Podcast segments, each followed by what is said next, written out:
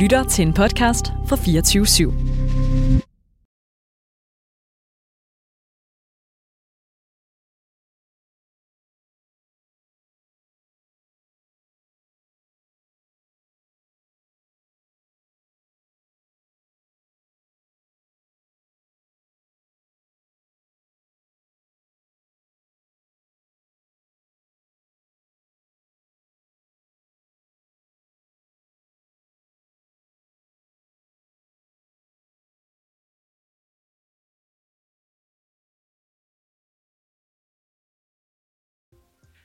Elever fra uddannelses- eller gymnasiefremmede hjem har sværere ved at gennemføre gymnasiet.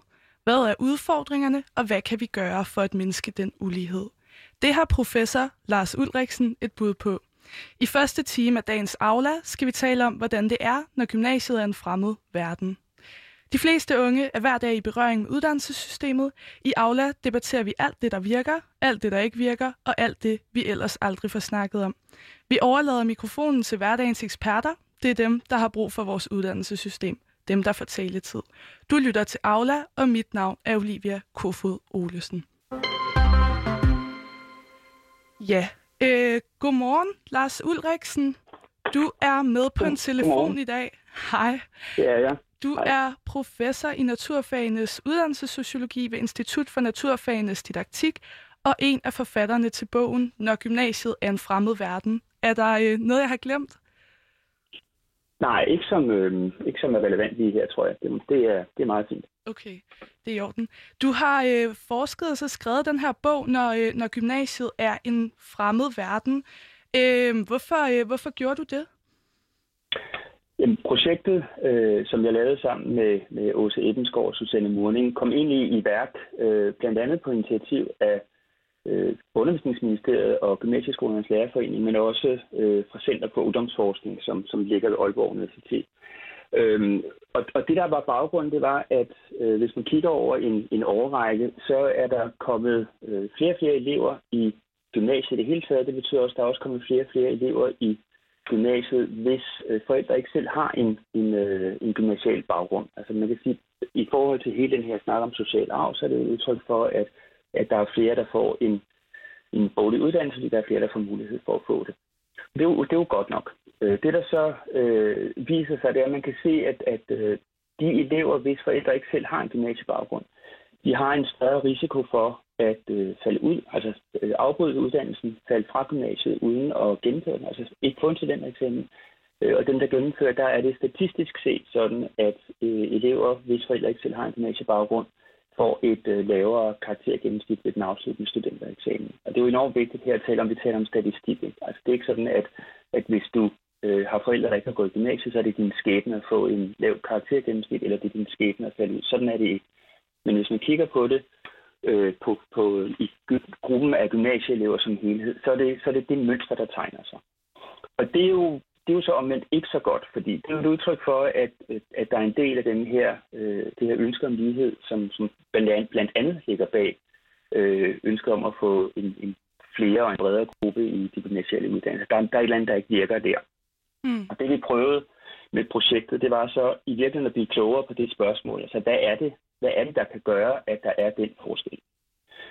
Så hvis jeg nu må, det er jo meget langt svar her. Øhm, det, der, det vi så gjorde, det var, at vi sagde, at vi må prøve at begynde med at finde ud af, hvad, hvordan oplever de her elever egentlig at gå i gymnasiet? Så hvad er det, de oplever som, som svært øhm, for på den måde, altså i stedet for at prøve at lave flere øh, statistiske analyser, så prøve at gå ud og, og, øh, og komme i direkte kontakt med de, øh, de elever og de unge, som det drejer sig om, nemlig øh, elever, øh, som kommer med en baggrund, hvor forældrene ikke selv har en, en øh, gymnasial uddannelse. Ja, Og og det var hvad, så det, som projektet gik ud på. ja, og hvad, hvad, hvad fandt de så? Øhm, hvad var det, der var, der var svært for de her elever, som, øh, som havde forældre, som ikke havde gået på, på gymnasiet eller havde en videregående uddannelse? Ja, man kan sige, det som, det som jeg synes var den væsentligste, at der var flere ting i spil, øh, men, men den væsentligste øh, vanskelighed, det var egentlig, at de havde, de synes det var svært at finde ud af, hvad det egentlig var, de skulle. Altså hvad det var, man, øh, der blev forventet af dem, og hvad det var for nogle krav, de skulle leve op til. Altså man kan sige, hvad er det for nogle kriterier, der gælder for, at gøre rigtigt og gøre forkert, når man går i gymnasiet. Så hele det der spørgsmål om, hvad er det, jeg skal kunne, øh, og hvad er det, de forventer af mig, det, øh, det kæmpede de med at finde ud af. Og, og det er der, hvor det med det, altså det her ord gymnasiefremmed kommer ind. Øh, fordi noget af, det, der, noget af det, som er i spil, når man begynder på en uddannelse, det gælder sådan set uanset om det er en gymnasieuddannelse eller en erhvervsuddannelse, det er, at man bevæger sig fra, øh, fra folkeskolen og ind på en ungdomsuddannelse. Og det er også ind i en anden kultur. Øh, og når man skal ind i en anden kultur, så skal man lære, øh, hvordan, hvordan gør man her. Og det svarer sådan set til at rejse til et fremmed land. Altså, hvordan gør man her? Øh, hvordan hilser man? Hvordan taler man? Øh, hvordan forventer man, man opfører sig, når man går ind i en butik osv.? Og, og når vi valgte at sige gymnasiefremmede, så er det fordi, de elever, hvis forældre ikke selv har en gymnasial baggrund, de har ikke haft mulighed for at lære den kultur at kende hjemmefra. Så når de kommer ind i gymnasiet, så er det virkelig en fremmed verden. Altså så er det virkelig et sted, hvor der er nogle, nogle, en kultur, nogle forventninger, nogle koder, som er anderledes end det, de, øh, i hvert fald der, mange af dem har oplevet hjemme. Mm. Hvor de, for, de børn, hvis forældre selv har været i gymnasiet, de kan, når de så har været den første uge på gymnasiet, og synes, at alting er virkelig mærkeligt, så kan de gå hjem og sige til deres forældre, hvad sker der? Altså, hvad, hvad går det her ud på? Og så vil forældrene i større eller mindre grad, men de vil jo, fordi de har været der selv, kunne sige, sådan var det også for mig, eller vi prøvede at gøre det sådan, eller tror du ikke, det kan være? Så, så den der mulighed for at, at snakke med nogen. Så, når man så kommer ind og ikke har den mulighed for at gå ind og spørge, så det der med at finde ud af, når jeg er i det her fremmede land og den her fremmede verden, og jeg kommer ind i dansk, eller jeg kommer ind i matematik, og læreren siger noget til mig, hvad er det så, hun mener? Det var svært for dem. Mm. Hvad... Det var sådan den, den, den væsentligste ting i virkeligheden. Ja. Hvad, hvad er det så, man, man, man tror, man skal kunne, eller, eller øh, forventer læreren forventer af en, øh, hvis man er elev fra et, øh, et gymnasiefremmed hjem, øh, som, som eleverne, der kommer fra øh, et hjem med forældre, der har gået på gymnasiet, måske har bedre sådan, forudsætninger for at kode? Altså kan du være sådan helt konkret, er der et eller andet sådan som, som man tror, man skal gøre, eller som, som man måske egentlig ikke skal gøre? Ja, altså, øh, jeg, jeg kan sige to ting. Den ene, det er, og det var noget, som dukkede op i, øh, i selve det her projekt. Øh, altså, nogle af de elever, vi talte med, de mente, at, man, at det, man skulle i altså sådan et, et, et fag som dansk, for eksempel, altså typisk nogle af de her mere, øh, altså nogle af de humanistiske fag, hvor det handler om analyse og fortolkning. Der var nogle af dem, der mente, at det, man skulle, det var, at man skulle mene det samme som læreren. Mm. At det var det, man skulle for at, øh, for at få gode karakterer, for at, at, at se ud som en, der klarer sig godt. Og, og nu, vi, har, vi var jo ikke ude at se undervisning. Altså alt, hvad vi, hvad, hvad vi siger nu, det er på baggrund i forhold til den undersøgelse. Det er i forhold til, hvad eleverne fortalte os. Øhm, og jeg kan jo ikke afvise, eller faktisk så er det da nok rigtigt, at der findes lærere rundt omkring i den danske gymnasieskole, som bliver glade, når, lærerne, når eleverne mener det samme, som de selv gør.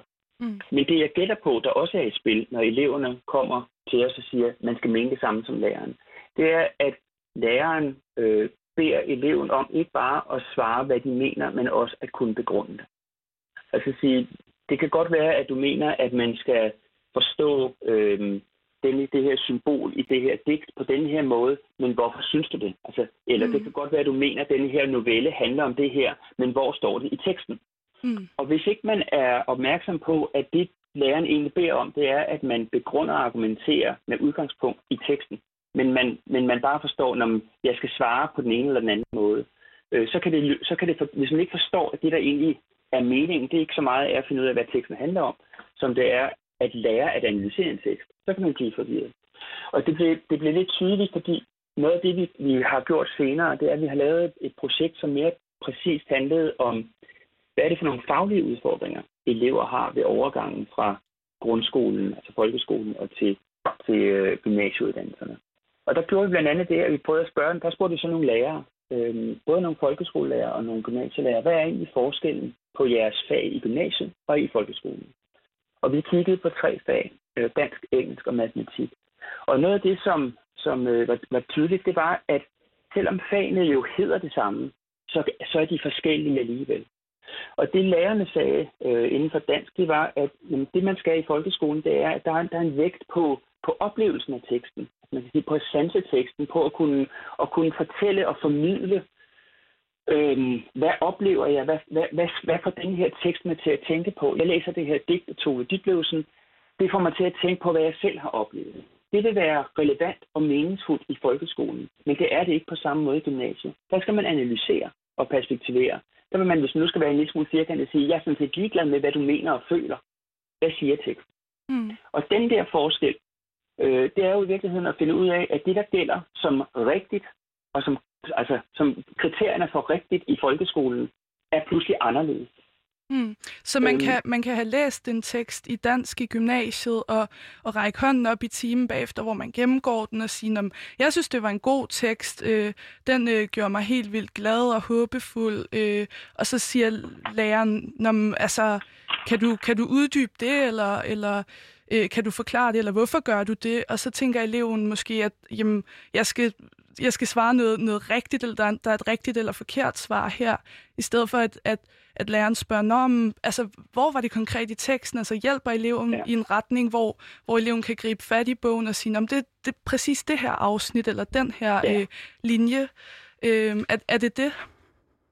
Ja, fordi det er noget med, at, og, øh, altså, og det er derfor, altså, vi bruger ordet kriterier. Ikke? Altså, hvad er det, hvad er det egentlig, der gælder som, øh, som, som vigtigt, og hvad er det, der gælder som rigtigt? Og, og det, der jo netop er i fag som humaniora, eller inden for det humanistiske fag, det er jo meget, at det er, det er lige præcis det med, der er ikke, og man leder ikke efter et svar, eller et entydigt svar på den måde. Men det er jo heller ikke sådan, at alting er lige godt. Altså, det er jo ikke sådan, at du kan læse en, en, et, et, et øh, for nu lige hos to dit, du kan læse det her, så kan du få hvad som helst ud af det.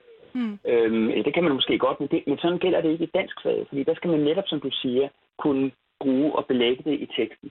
Og, og hvis man nu, altså når vi, og det, nu er jeg tilbage til det der med kulturen, det vi jo også gør, når vi går i skole, det er, at vi lærer, hvordan vi skal gøre i den her skole. Og så gør man så nogle erfaringer som elev med, hvad virker for mig? Altså, hvad har givet, hvad har givet mig en, en, øh, en, en god tilbagemelding, en god feedback fra læreren i, i folkeskolen? Hvad har givet mig gode karakterer i folkeskolen? Hvad har gjort, at jeg er blevet anerkendt på det, jeg har gjort? Og så tager jeg det med ind i den nye sammenhæng.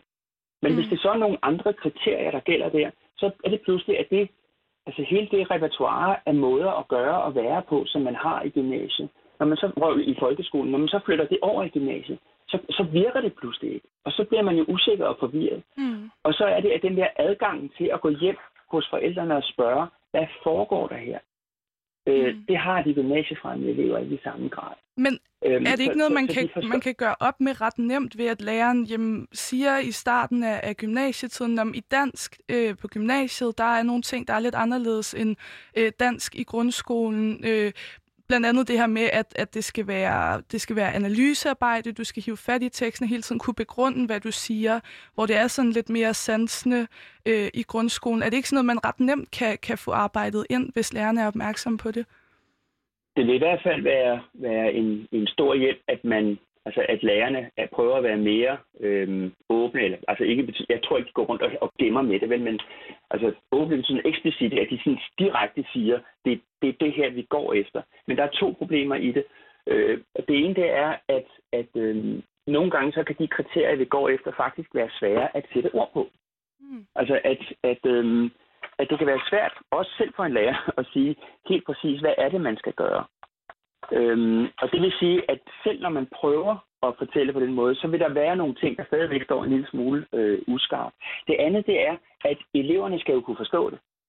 Øhm, og det kræver måske en vis, altså sådan et, en vis måde at kunne så løfte sig op over det faglige, at kunne forstå, når læreren siger det her. Mm. Men, men, men når det så er sagt, så en af de ting, som kom i forlængelse af den bog, du nævnte, øh, om fra, eller når gymnasiet er en fremmed verden, det var, at, at det sidste kapitel i den bog øh, består af anbefalinger. Altså ting, vi, øh, altså Susanne Morning og Åse Ebbensgaard og jeg anbefaler øh, henholdsvis øh, altså politikere og ministerier at gøre noget af det, øh, skolen, altså gymnasiens ledere at gøre noget af det, og undervisere, lærerne at gøre noget af det.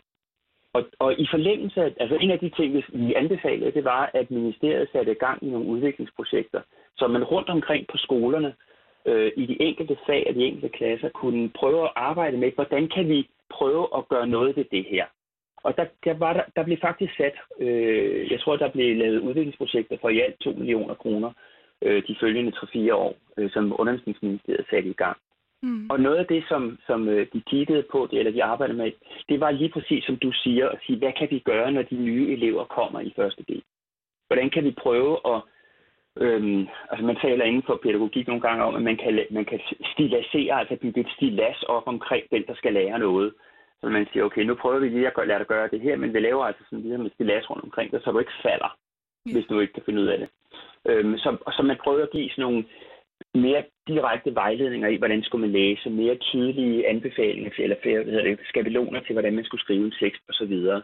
så, så du har fuldstændig ret i, at det er jo noget, man kan tage fat i, hvis man er opmærksom på det som lærer, og prøve at være mere tydelig med sine kriterier. Øhm, men der er, der er nogle, altså det er ikke kun, altså det er ikke bare gjort med det, men det, det er et vigtigt skridt. Mm. Er der også nogle andre ting, der kan være svære, øh, hvis man kommer fra et, et, et øh, uddannelses- eller gymnasiefremmed hjem? Øh, for eksempel noget med sproget?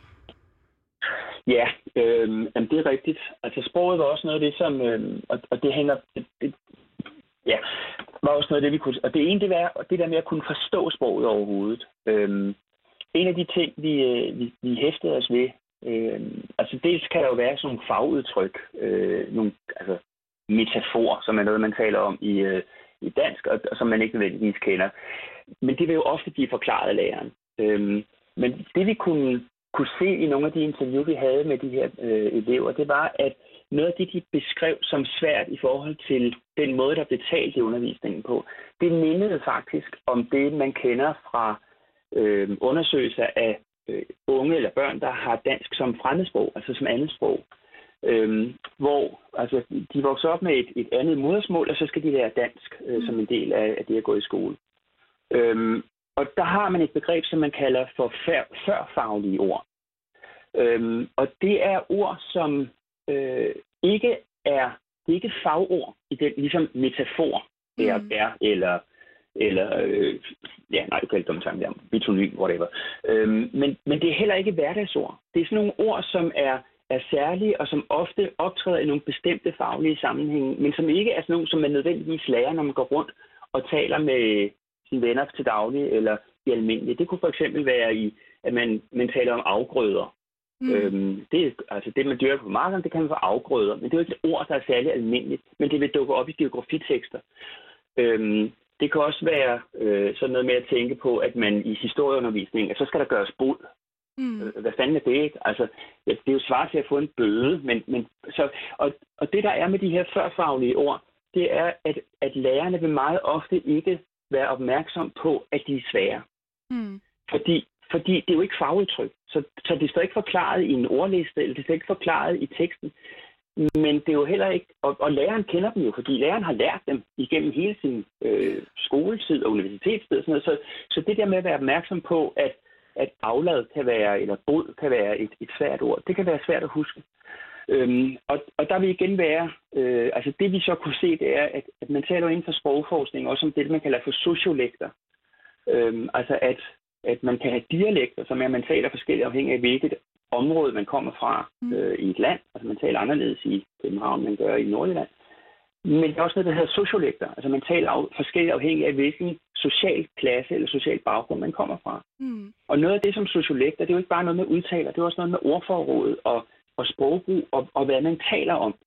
Øhm, og der er det sådan, at nogle af det vi, det, vi kunne se, det var, at nogle af de elever, vi interviewede, de mødte altså nogle udfordringer i i gymnasieundervisningen, som lignede det her med de førfaglige ord, at de synes, at der var noget, som var svært at forstå. Mm. Så det var den ene ting. Men det andet, og det hænger lidt sammen med det, jeg sagde før med kriterierne, at skulle forstå det. Der var også nogle elever, som synes, at det var, at det var åndssvagt, at de skulle lære at tale på en bestemt måde. Altså, der var nogle, øh, nogen, som fortalte om en lærer, de havde, som, altså, han lød som om, han var på besøg hos dronningen altid, sagde det, fordi han talte så fint og affekteret. Mm. Øhm, der var en, der, der, der fortalte om, at hun synes, det var helt... Altså, hun kunne ikke forstå, hvorfor man i engelsk ikke bare kunne sige, at, at noget er good. Hvorfor skulle man sige et exquisite eller extraordinary, eller hvad det måtte være? Hvis nu good betyder god, hvorfor skulle man så gøre det nogle andre, sige det på nogle andre måder? Mm. Og det er jo sådan, det er jo så ikke bare det at kunne gøre det, men det er jo også et eller andet sted at, at anerkende og, og forstå, hvorfor det er væsentligt. Altså hvorfor er det væsentligt at kunne nuancere sit sprog på den måde? Så, så det er også noget med at komme med en, en øh, forventning og en baggrund, der gør, at man så at sige accepterer og, og, og, og går med på spillet om, hvad er det, der er vigtigt at lære i det her øh, i den her sammenhæng. Mm. Og det tror jeg er, er noget af det, der også kan være svært i forhold til både kriterierne og sproget. Altså ikke bare, hvad er det, vi skal lære, men også hvorfor. Ja. Det lyder helt vildt svært, det der med, med sociolekter. Altså, hvordan, hvordan kan man gøre op med det? Eller, altså, hvad skal man gøre for ligesom at, at, at tage de her elever med og tage dem i hånden og, og fastholde dem, så de ikke øh, altså zoomer helt ud, fordi der bliver, bliver brugt et ord som afgrøder. Øh, det, det, det synes jeg lyder rigtig svært. Det er også rigtig svært, øhm, og, og, det er, og det er jo også en af grundene til, at, at selvom det har været på den pædagogiske og politiske dagsorden i mange år at gøre noget ved den sociale arv, så, så får vi ikke, vi har, vi har ikke helt fået, fået løst problemet endnu. Det er svært, fordi øhm, altså det man kan sige, det er, at man som underviser, som lærer, kan man være opmærksom på det. Man kan prøve, når man forbereder sin undervisning, og når man øhm, kigger på de øh, de tekster, som, som man beder sine elever om at, at, at kigge på som en forberedelse. At man prøver at være, ikke bare kigge efter fagudtryk, men også sige, er der noget andet sprog her, der kan være, der kan være svært. Man kan prøve, altså det kunne man jo sådan set godt som lærer, at, at lave sådan nogle små øh, sprogleje i virkeligheden. Ikke? Altså sådan nogle anonyme. Prøv at, prøv at se, hvad, hvad tror I, de her ord betyder, for at få en fornemmelse af, hvad, hvad er det, de forstår, hvad er det, de ikke forstår. Øhm, noget af det, som er virkelig vigtigt, det er at kunne at få skabt en, en, øh, en relation mellem eleven og læreren, der gør, at eleven tør spørge. Mm. H- øhm, hvordan og, kan man det? det? Jamen det, altså det er jo dels, dels kan man sige, der er jo noget, som er mellem eleven og læreren. Øhm, og, og det, som læreren kan gøre, det er at prøve at være meget opmærksom på, at, øhm, at være, altså i virkeligheden at anerkende, når eleven siger noget, også når det er forkert. Noget af det, vi, vi også hørte om, det var, hvad er gode og dårlige lærere. Det er ikke noget, vi har skrevet særlig meget ind i bogen, men, men det fortalte eleverne jo oplagt en, en hel masse om. Mm. Og noget af det, de, en, af de, en, en af de gode lærere, de fortalte om, det var en, øh, en lærer, hvor, hvor de sagde, hun var i stand til at bruge det, de sagde til noget, selvom det, de sagde, var forkert. Yeah. Og det betød, at, at de fik en fornemmelse af, at at, øh, at de bidrog med noget. Så selv det, det at svare forkert var ikke det samme som, at så var man ligesom skåret af. Altså så var det ikke bare at sige, nej, hvad siger du, Peter? Men at, at, at det ligesom stadigvæk var et, et meningsfuldt bidrag. Øhm, så er det jo noget med at have en oplevelse af, at læreren interesserer sig for, om man lærer noget. Altså har man som elev en fornemmelse af, at det faktisk gør en forskel for den der lærer, der står der øh, deroppe eller går rundt i, i, i lokalet. Hvad jeg, øh, pigelærer, øhm, og, og det er jo noget med at, at, at skabe en, en, eller have en opmærksomhed for, for, for eleverne, en opmærksomhed på, hvad det er, de siger. Mm. Øhm, og så er der jo altså noget af det, der gør det svært. For der var nogle af eleverne også, som fortalte om, at, at, øhm, øh, at det her med at, at spørge i timerne, at der skulle man helst spørge på en måde, som lød klog. Ja. Og det hænger sammen med hele karaktersystemet. Altså det, at, at læreren er jo ikke bare en, der skal hjælpe en med at lære noget, det er også en, der bedømmer en. Mm. Og, og, og, og fordi karaktererne øh, for mange elever har så stor en betydning, som de har, både symbolsk og reelt, ja. øhm, så er der jo så nogen, som, som så siger, gud nej, hvis nu jeg siger til læreren, at jeg ikke ved, hvad afgrøder betyder, falder jeg så en karakter. Mm. Så der mangler nogle sådan øhm, præstationsfri rum, eller sådan øverum, hvor man, hvor man ja. måske godt kan stille de der spørgsmål, eller, eller ja, hvordan, hvordan kan man gøre ja. det? Ja, det er en ting, altså, men, men jo også, at, at øh, og det er jo igen altså, svært, hvordan man sådan konkret skal gøre det, men, men at læreren måske prøver at være meget øh, tydelig med at sige, at men ikke bare sige, men at vise, at, at det er faktisk ikke galt at sige, at der er noget, man ikke forstår. Altså jeg ved ikke, du har sikkert også oplevet undervisere, der siger, der er ikke nogen dumme spørgsmål i den her klasse. Yeah. Og, og hver gang jeg hører nogen sige det, altså så øh, sådan, griner og græder jeg. Okay. Altså fordi øhm, fordi på en eller anden måde, så jeg tror, det er helt ægte sandt, når læreren siger det. Ja. Men samtidig så er man jo indlejret i et helt, i et helt rum af, af, af præstationsorientering, af bestemte relationer, som er formet af nogle øh, omgivende ting også, at den måde klasserne fungerer på, som betyder, at det kan godt være, at jeg mener, at der ikke er et dumt spørgsmål her, men det ændrer jo ikke ved, at der kan sidde en elev nede i klassen og have en fornemmelse af, at hvis jeg, bliver, hvis jeg spørger noget her, som de andre synes er helt vildt fjollet, så kan jeg dels risikere, at de griner af mig. Mm. Øh, jeg kan også risikere, at de synes, jeg er en idiot. Mm. Øh, og endelig så kan det jo godt være, at læreren siger, at der er ikke nogen dumme spørgsmål her, men når hun så om tre uger skal sidde og give karakterer, kan jeg så være sikker på, at det ikke betyder noget. Yeah. Så, så, det, så det er ikke nok at sige det. Altså det skal man selvfølgelig sige. Man skal også vise det, og man skal mene det. Mm. Og der tror jeg, at de elever, der fortalte om læreren, som sagde, ja, som var i stand til at bruge det, de sagde, øh, konstruktivt ind i undervisningen, også når det var forkert. Det er jo konkret en måde, ikke bare at sige, men at vise eleverne, det er faktisk godt, du bidrager. Det kan godt være, at det, du siger, ikke var helt rigtigt, men vi kan bruge det til at komme videre.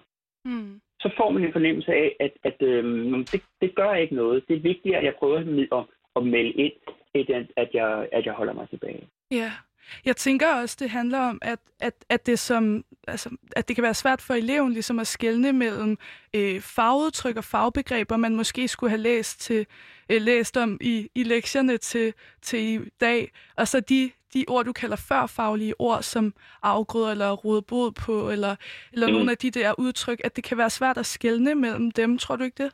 Mm. Jo, det tror jeg. Fordi, og der er jo nogen, der sådan er mere, mere eller mindre... Nej, undskyld. Ja, nej, fordi det, det, er jo, det, er jo, det er jo ikke så godt, hvis man ikke kender det fagbegreb, man skulle have læst om, men, men det er jo noget andet, hvis man bare ikke kender det der førfaglige ord. Det kan man jo sagtens spørge om, uden at, at få en lavere karakter, tænker jeg. Ja, men mindre man tænker, gud nej, altså er det, er det helt vildt åndssvagt at spørge om det her. Ikke? Mm. Øhm, altså det der jo så også er i det, øhm, det er jo så også, hvad, hvordan er det, man reagerer som elev, hvis man støder på et ord, man ikke forstår? Ja. Øhm, altså spørger man så faktisk om det? Eller mm. siger man bare, øh, det er lige meget, eller det gider jeg ikke forholde mig til? Altså, mm. øhm, men, men der er også, og der er også den risiko, at hvis man nu forestiller sig, at, at det her ord om afgrøder indgår i en, i en, i en lektie, som, man, som, som, de, som eleven skal læse, fordi der skal arbejdes med den senere i, i undervisningen, at man så går i stå på det, og så siger, at det her det bruger simpelthen så mange åndssvage ord, jeg gider ikke, jeg gider ikke bruge tid på det. Mm. Øhm, så, så der er også en, altså, der er også en risiko for, at, at, øh, at man så at sige sætter, altså eleverne aldrig nogensinde når dertil, hvor de egentlig vil kunne begynde at stille spørgsmål, fordi de, de står af i mm. virkeligheden. Mm. Ja. Jeg kan huske, jeg havde en, øh, en engelsklærer i, øh, i grundskolen, som, øh, som sagde, at vi, vi skulle ikke dukke op der i, i timen og spørge, hvad ord betød. Vi skulle bare slå dem op derhjemme. Øh, det kan mm. jeg huske også sådan stoppede mig meget fra at, at spørge, også selvom at det ikke var en lektie, vi havde læst, men en tekst, vi sad og læste i timen, eller sådan, at jeg, mm. eller et, et, et ord, hun brugte, at så måtte jeg prøve at stave mig frem til det, og, og slå det op i stedet mm. for. Kan det også være sådan nogle ting, tænker du? Ja, fordi altså, hvis man nu skal prøve at sætte sig i lærerens sted, ikke, så har hun sikkert tænkt, at det er jo en vigtig, det er jo en vigtig studiekompetence at kunne slå ord op. Fordi mm. hvis man nu skal, og gymnasiet er jo studieforberedende, udover at være almen dannende. Så når man kommer ind på en, en øh, videregående uddannelse, så vil man jo komme til at sidde i nogle situationer, hvor man er nødt til at slå, slå ord op, så det er vigtigt at lære det. Det, det er sådan, det, vil jeg tro, det ser ud fra hendes stol. Ikke? Mm. Øhm, det kan selvfølgelig også godt være, at hun tænker, at jeg kan ikke nå at svare på alle de her spørgsmål, men, men det første, det er faktisk en studiekompetence.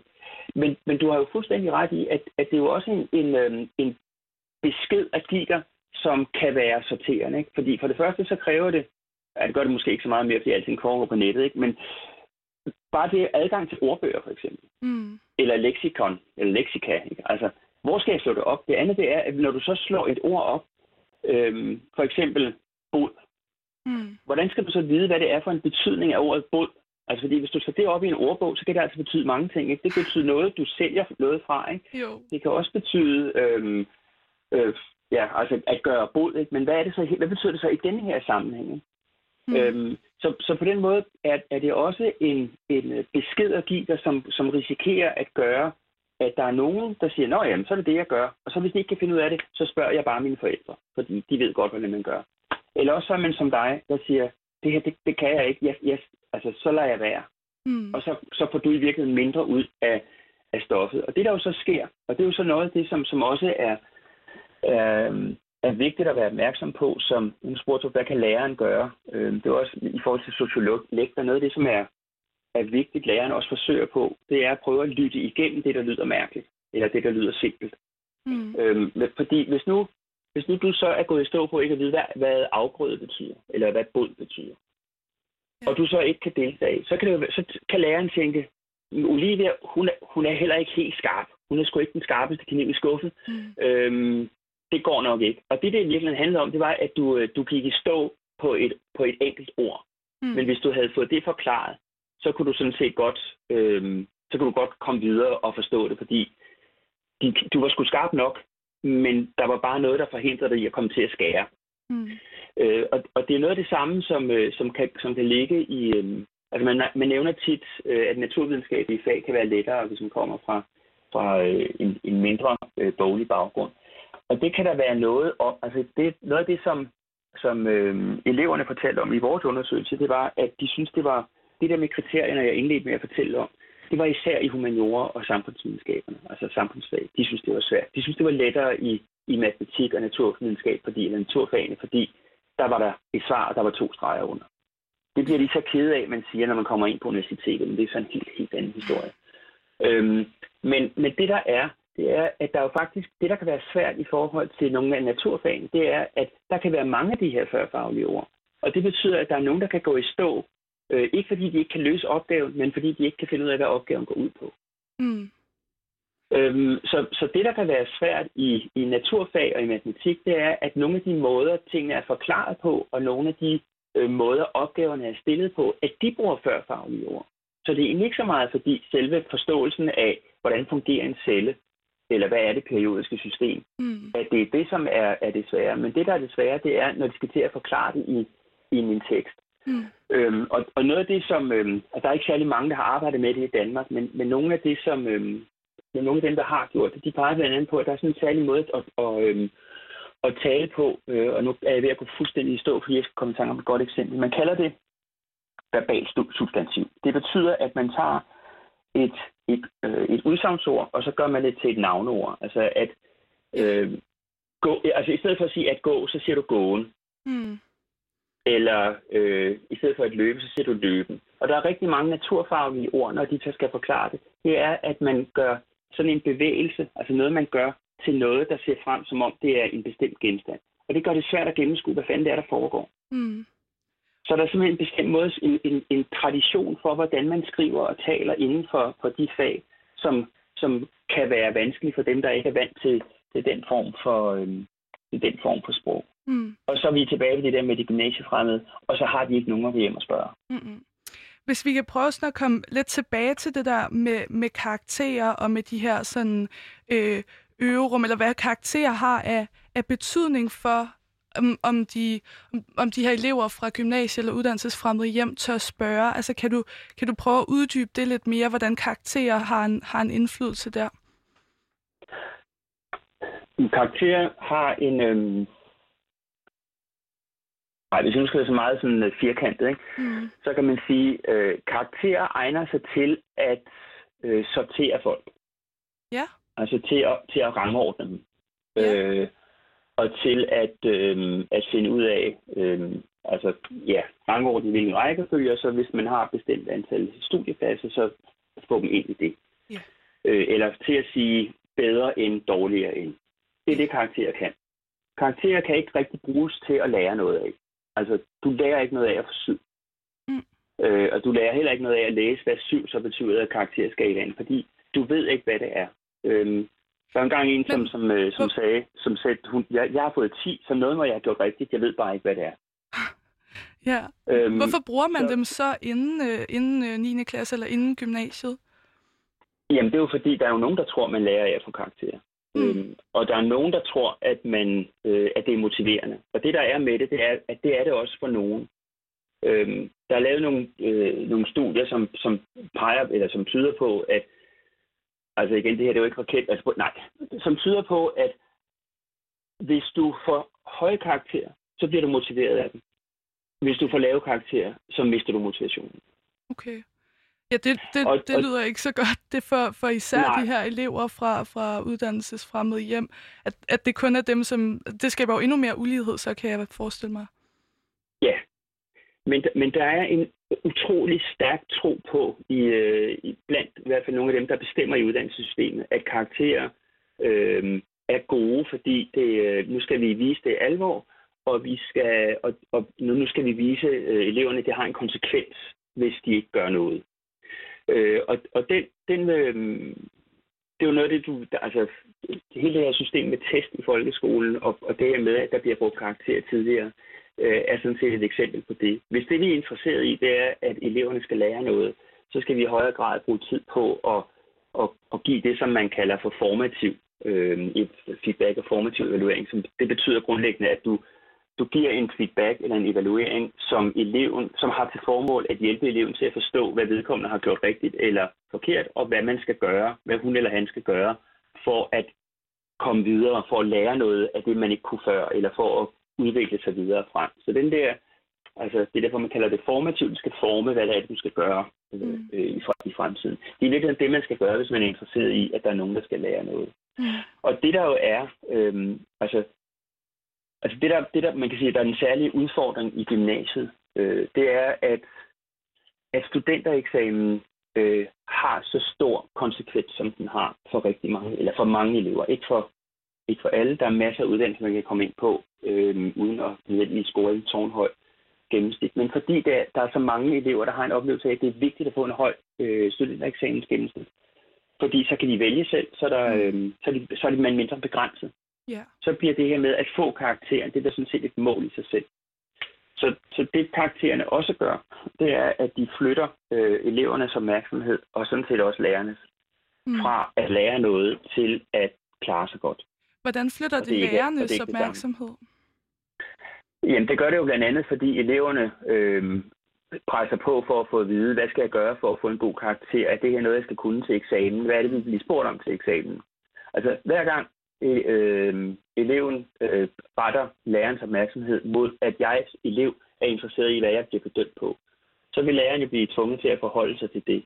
Mm. Øhm, og samtidig så er der jo også, altså, øhm, af og til jo, eller der, på et tidspunkt har vi også begyndt i, øh, hvad hedder det, i, fra, det, fra det politiske system at ville sammenligne skolerne efter, hvor gode karakterer øh, eleverne på deres skoler får. Så begynder det jo pludselig at få betydning for skolen, når man klarer sig godt eller ej. Mm. Og så vil man jo som, som lærer, øh, vil man jo gerne have, at ens elever øh, klarer sig godt og, og lærer noget. Og der kommer man jo så til at stå nogle gange som underviser i et dilemma mellem, om jeg skal prioritere øh, det, som jeg ved, de gør, de har brug for til eksamen, eller jeg skal prioritere det, de lærer noget af. Nogle gange, så, så går de to ting fint sammen. Mm. Øhm, men, men, øh, men man kan også godt komme til at undervise på en måde, som man så at sige, træner øh, eleverne i mm. det, de skal kunne til eksamen, men uden de nødvendigvis får lært så meget. Mm. Man laver jo de her nationale test nu i, i folkeskolen eller i grundskolen, øhm, og det gør man jo også, man bruger i hvert fald den begrundelse, øh, at, at man skal kunne lære det samme, eller man skal lære det samme i, i Tisted og i, og i København, mm. at der skal være et eller andet niveau, og vi bliver nødt til sådan at, at sætte ind der, hvor det så går dårligere, eller sådan, giver det ikke meget god mening, at man så laver de her tests, øh, for at sikre, at, at eleverne ikke er dårligere i Vestjylland end, end på Sjælland? Jo, hvis det var sådan, at testene, øh, altså testene kan jo kun teste på en bestemt måde, fordi de er lavet på den måde, de er. Øhm, altså jeg, jeg synes, det giver rigtig, rigtig god mening, at man gerne vil have, at det er nogenlunde de samme ting, man lærer i, i Tisted og i Tønder mm. øhm, og i Tabernøje. Yeah. Altså, det, det synes jeg giver rigtig, rigtig god mening, og derfor er jeg en stor tilhænger af, en, af nationale læreplaner, og jeg er en stor tilhænger af det at bruge sensorer fra andre øh, skoler når man har afsluttet prøver og eksamener. Fordi det er jo en måde, man holder styr på det. Hvis nu man forestiller sig, at du ved en afsluttende studentereksamen, der var din censor, det var en anden lærer fra den samme skole, mm. så kunne der komme ret stor forskel. Men fordi vi har i Danmark et system, hvor øh, ved, ved, ved en meget stor del af, vores, af de eksamener, der betyder noget, der kommer der sensorer fra andre skoler, og, og også nogle gange fra andre dele af landet. Så får man skabt sådan en, en, øh, så sige, en udveksling, som gør, at der kommer en eller anden grad af, af, af overensstemmelse imellem det. Mm. Øhm, og, med, med, og spørgsmålet om, om de skal blive lige så dygtige i alle lande, det tænker det er jo lige så høj grad et spørgsmål om at give øh, lærerne nogle muligheder for at, at undersøge det. Så der tror jeg sådan set, at jeg vil, jeg vil hellere bruge nogle af de ressourcer på at, at afdække, om der er nogle ting, som, som lærerne har brug for at blive bedre til, når det gælder at få, at, at få et indblik i, hvad det er, den enkelte elev kan mm. Hvordan man, kan, hvordan man kan give en tilbagevending på det. Altså, jeg har, ikke, jeg har ikke selv beskæftiget mig med de nationale test i folkeskolen, så nu, udtaler jeg mig som måske en lidt mere køndig lægmand, ikke? Men, men det, jeg har kunnet læse i nogle af de øh, analyser, øh, som er blevet lavet, ikke? det er, at, at lærerne har svært ved at bruge dem øh, i forhold til deres egne elever. Mm. Okay. Øh, og så kan man sige, så, så virker de måske som sådan aggregeret, igen sammens, sammensat, altså samlet overblik over, hvordan går det. Men, men, øh, men det er ikke noget, man rigtig kan bruge i forhold til til de elever, det egentlig drejer sig om, skulle blive, skulle blive bedre. Altså, man har talt meget om det her med, sådan, nu er der kommet en masse flere øh, tests ned i grundskolen. Øh, da jeg gik på gymnasiet, var det også sådan en, en ting, vi hele tiden skulle til terminsprøver, til tests op til terminsprøver, til prøver til det, og øh, det, det var meget sådan gennemgående og fyldt rigtig meget i hvert fald, synes jeg. Synes du, det fylder for meget? Eller tror du, det fylder for meget? Altså, jeg tror ikke, jeg tror, karakter fylder for meget i, øh, i gymnasiet. Øhm, om der er for mange terminsprøver, det ved jeg sgu ikke. Øhm, altså, fordi der, det, der er i det, det er, at... Øhm, og nu kan det godt være, at det lyder som om, jeg modsiger mig selv, ikke? men, men øhm, det som, og det kan vi så prøve at vikle ud bagefter, det som man jo også skal som lærer, altså man, jeg skal som lærer, når jeg, når jeg, når jeg underviser, når en gymnasielærer underviser, mm. så skal læreren øh, for det første sørge for, at eleverne får muligheder for at lære det, som de skal lære. Mm. Man skal også, og en del af det, der er i gymnasiet, det er, at man skal også give eleverne mulighed for at blive hele mennesker. Altså det er jo dannelsesdelen af det. Så man skal også sørge for at, at få skabt et rum, hvor, hvor eleverne har mulighed for at øh, bruge det faglige indhold og diskussionerne til at reflektere over og tænke over, hvem er jeg som menneske, hvad er jeg i verden, øh, alt det. Det skal jeg også som lærer. Men jeg skal jo også som lærer være være rimelig og færre over for mine elever, og, og give dem en mulighed for at kunne klare sig ordentligt til den eksamen, der så kommer til sidst. Mm. Så hvis jeg nu som lærer sagde, det jeg synes er vigtigt, det er, at de får en dyb, dyb forståelse af det her indhold, og at de jo bliver dannet, og så slet, slet ikke forbereder dem til, hvad der sker til den skriftlige eksamen. Så vil jeg synes, jeg havde været en tavlig lærer. Mm. Og, og, og det der jo er, det er, at, at hvis man første gang, man møder en dansk stil, eller første gang man møder en, øh, en, en øh, hvad hedder det, et skriftlig øh, fysikeksamen-sæt, det er til studentereksamen, så er man jo ikke blevet forberedt godt nok. Mm-hmm. Så, så, øh, så man kan sige, spørgsmålet er, om terminsprøverne er den rigtige måde at gøre det på, men det er jo en måde at så at sige, give gymnasieeleverne en mulighed for at, at gøre sådan nogle, få nogle oplevelser med, hvad vil det sige at sidde i en uh, gymnasie, øh, i en, i en gymnastiksal, og skulle arbejde koncentreret fire timer. Altså, man kan jo spørge sig selv, hvor mange gange er det, man som gymnasieelev prøver at sætte sig ned i fire eller fem timer. Nu jeg har ikke helt styr på, hvordan prøveformen er endnu, men det, altså, at skulle sætte sig ned og arbejde koncentreret på det. Jeg kan ikke gå nogen steder hen. Jeg skal sidde og arbejde på det her. Og jeg har altså fra klokken 9 til klokken 14 til at lave den her opgave. Mm. Hvis ikke man har prøvet det nogensinde før, så risikerer man altså at, at, at få nogle problemer til studentereksamen. Og derfor kan der være en mening i at have nogle, nogle øh, du talte før om, om, om rum, altså præcisionsfrie rum, men i virkeligheden også have nogle øverum, altså hvor man kan prøve nogle af de her ting af. Og det er sådan, jeg tænker, øh, man kan bruge terminsprøverne. Det, der så er, kan være problemet, det er, hvis den... Oh. øhm, jeg stopper dig lige kort. Vi, ja. øh, vi har Lars Ulriksen, du er professor. Øh, vi har dig med på en telefon. Du er professor i naturfagenes øh, uddannelsessociologi ved Institut for Naturfagenes Didaktik. Og så er du medforfatter på bogen, Når gymnasiet er en fremmed verden. Øh, vi taler om, om det her med gymnasiefremmede eller uddannelsesfremmede elever øh, i gymnasiet, og, og nu har du lige talt lidt om... Øh, om, om prøver, og hvordan prøver også kan være vigtigt til ligesom at forberede eleverne på en eksamen. Øh, jeg kom lige til at afbryde dig med, med skilleren der. Øh, vil, du, vil du færdiggøre, hvad du sagde? Nej, jeg tror egentlig, at, at øh, altså man skal tænke det som et øverum, og, og det man så kan diskutere, det er, øh, om, om terminsprøverne i for høj grad mm. bliver bundet op på årskarakterer. Mm. Altså sådan at de at de på den måde, øh, i stedet for at være et sted, der handler om at lære at gå til eksamen, så bliver det til et sted, hvor man bliver testet. Ja. Øhm, det var måske snart den diskussion, man kunne føre. Ja.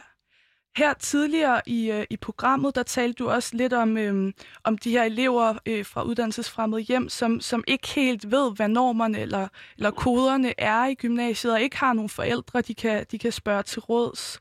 Øh, mm hvor, altså, er, er der noget forvirring omkring, hvordan man ligesom er den, den rigtige elev i, i lærernes øjne, eller hvordan man får sådan den, højeste karakter, eller hvordan man lærer måske, altså, hvis man er elev fra, fra et gymnasiefremmed hjem? Ja, øh, jeg skal lige forstå, hvad du mener med forvirring. Jamen, sådan, hvordan man er den gode gymnasieelev, øh, ja. og hvordan man ligesom øh, gør det rigtigt, stiller de rigtige spørgsmål, om man aldrig må sige noget forkert, eller øh, hvordan man skal, skal spørge eller svare læreren. Ja, Jamen, det er, altså, og det er, det er faktisk en rigtig, rigtig god pointe, og, og det hænger sammen med, med det, du spurgte om øh, på, altså tidligere øh, i udsendelsen, ikke, med om, om man ikke altså om, man kunne løse det ved, at lærerne fortalte, hvad kriterierne var. Og, og noget af det, der gør, at det er svært at gøre det, det er jo, at der er også nogle kriterier, som så at sige virker bag om ryggen på, på lærerne, og som giver den der øh, utydelighed, som, øh, som, du, øh, som du nævner. Altså noget af det, vi, vi gjorde i, i de fleste af de interview, vi lavede, det var, at vi, vi spurgte simpelthen eleverne, hvad er en god elev? Ja. Og, og det fik vi jo så nogle forskellige slags svar på. Øhm, og, og den ene Øh, altså et af de svar, som, øh, som jeg synes øh, var virkelig vigtigt at tage med, og som handler om det, du siger nu, det var, det var et interview, hvor vi, øh, vi, vi interviewede to elever sammen, øh, som man kan sige, det var et meget lille gruppeinterview, en, en dreng og en pige. Mm. Og så stillede vi det her spørgsmål, hvad, hvad skal der til for at være en god elev? Og, og det drengen sagde, det var, at man skulle være ligesom pigerne. Fordi de lavede deres lektier, og, øhm, og de fulgte med i, i timerne. Og han fortalte så, at, at han altså at drengene og, og han selv havde, I lavede ikke altid lektier, han havde kun lavet lektier seks gange okay. i, øh, i spansk i det, i det år, han, han nu havde haft interviewet ved begyndelsen af, af 2G. Ikke? Ja. Øhm, så, så man skulle være ligesom pigerne, siger han. Og så spurgte vi så pigen, jamen, hvad, hvad tænker du? Altså, er du enig i det? Og så sagde hun, ja, altså nej, egentlig ikke, fordi jeg tror godt, der er mange lærere, der kan lide det der, vi tager det som det kommer mm. som, som drengene har. Og det hun peger på, det er, at at der er jo en, at der er jo sådan en, man kan sige en officiel øh, fortælling om, hvad vil det sige at være en, en rigtig eller en dygtig øh, gymnasieelev. Og mm. det er, at man skal lave sin lektier, man skal følge med osv. Øhm, og så det, hun så har fanget, det er, at der er også et eller andet nedenunder, som, hvor det er noget andet, der bliver værdsat. Og det fik vi sat ord på i et andet projekt, som jeg lavede sammen med Henriette Holmgaard, der det var så et projekt, der alene handlede om øh, det tekniske gymnasium, altså HTX. Mm. Og der interviewede vi nemlig også lærere. Og der var en lærer, det var jo den kvindelige lærer, som sagde, at, at det var jo sådan, at pigerne, de var dygtige, de var flittige, de var arbejdsomme, de bidrog, og de fik timerne til at fungere, og de var kedelige. Og drengene, de hang gardinerne, og de var, øh, de var uforberedte, og de var alle mulige andre steder hen, men de var sjove. Okay. Og det vil sige, at hvis du sidder som elev i sådan en klasse, og, og kan se, at jeg gør noget, der er rigtigt. Altså, jeg gør det, de beder mig om. Jeg har læst min lektie, jeg har forberedt mig, jeg har mine noter parat. Men, det, men når læreren reagerer på det, jeg siger, mm. så er det ikke den samme grad af genkendelse eller anerkendelse, som når min sidekammerat, som altså følger med i en del af timen, men som så siger et eller andet, den anerkendelse af værdsættelse, han får. Mm. Så bliver der sådan en usikkerhed om, hvad, hvad filen er det egentlig, jeg skal? Ja. Øhm, og, og det er det som, altså, at der er sådan en, der er sådan en, en øh, det man siger, og så er der nedenunder det sådan nogle, nogle værdier, som, øhm, som alligevel kan være det, som, som lærerne reagerer på. Og, og det at kunne lure det, det at kunne afkode det, det at kunne finde ud af, hvad er det egentlig, jeg skal bedømmes på? Hvad er det egentlig, jeg skal gøre for at lære kan genkende mig? Ja. Det bliver jo så ekstra svært, fordi så skal man finde ud af, jeg siger det nogle gange på den måde, at, at man kan gøre forkert på den, rigt, eller på den forkerte måde, og man kan gøre forkert på den rigtige måde. Fordi nogle af drengene, som ja. ikke fulgte med, og ikke læste deres lektier, og lavede, altså ikke rigtig sagde noget, mm. de var ikke i stand til samtidig så indimellem lige at komme med det der bidrag, som lærerne, som fik lærerne til at tænke, åh, oh, det var sjovt, eller det var spændende, eller et eller andet. Mm. Så de var bare urolige og irriterende og træls. Men så var der de der drenge, som var i stand til at lade være med at gøre alle de ting, de skulle. Men så lige indimellem at komme med det spørgsmål, eller den kommentar, eller den pointe, som gør, at lærerne siger, uh, der var sgu alligevel et eller andet der. De gør forkert på den rigtige måde. Mm. Og, og det der med at finde ud af, hvad det er, der er den rigtige og den forkerte måde, det har blandt andet, ikke kun, men det har blandt andet noget med social baggrund at gøre. Så, så det, det der er din... Nu prøver jeg bare lige at rise op, hvad det er for nogle pointer, du er kommet med. Her, øh, nu har du snakket lidt om, sådan, hvordan hvordan det kan være svært at vide, øh, om man er den gode elev, eller hvordan den gode øh, gymnasieelev er, om det er en, der, der, der er sjov og, og, og skyder lidt fra, fra hoften, eller om det er en, der laver sine lektier.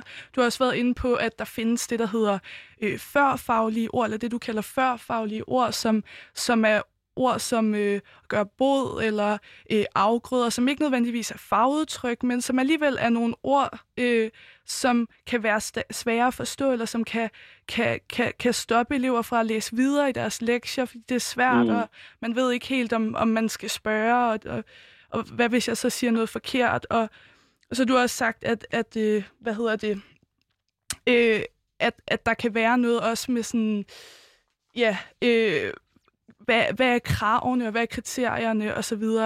Øhm, mm. hvad, hvad tænker du, vi kan gøre sådan samlet? Øh, du har været inde på, at lærerne kan prøve at forklare lidt, hvad, hvad det er, øh, man, man skal gøre. Måske noget med nogle øverum og sådan noget. Men som, som elevråd, eller på, på et politisk mm. plan, eller som individ, hvad, hvad, kan, hvad kan vi gøre for ligesom at skabe et gymnasium, eller nogle ungdomsuddannelser, som, som fagner, og som kan rumme, så vi undgår øh, frafaldet, eller så vi godt kan, kan skabe noget social mobilitet, bryde den sociale arv?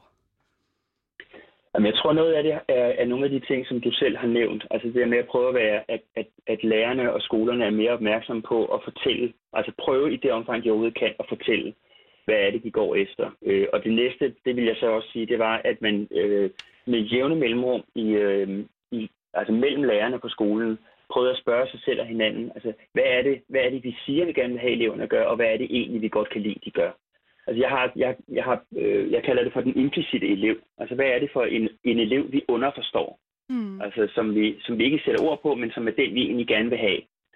Øhm, og det kan man godt som, øh, som, som lærergruppe med jævnlig mellemrum lige prøve at udfordre hinanden, og så sige, hvad er det egentlig, når nu, jeg, når nu jeg der er en elev, der gør noget, jeg synes er rigtig sjovt, eller rigtig spændende, eller rigtig er et tegn på, at vedkommende er, er dygtig. Mm. Hvordan ser det så ud? Så det tror jeg er en af tingene.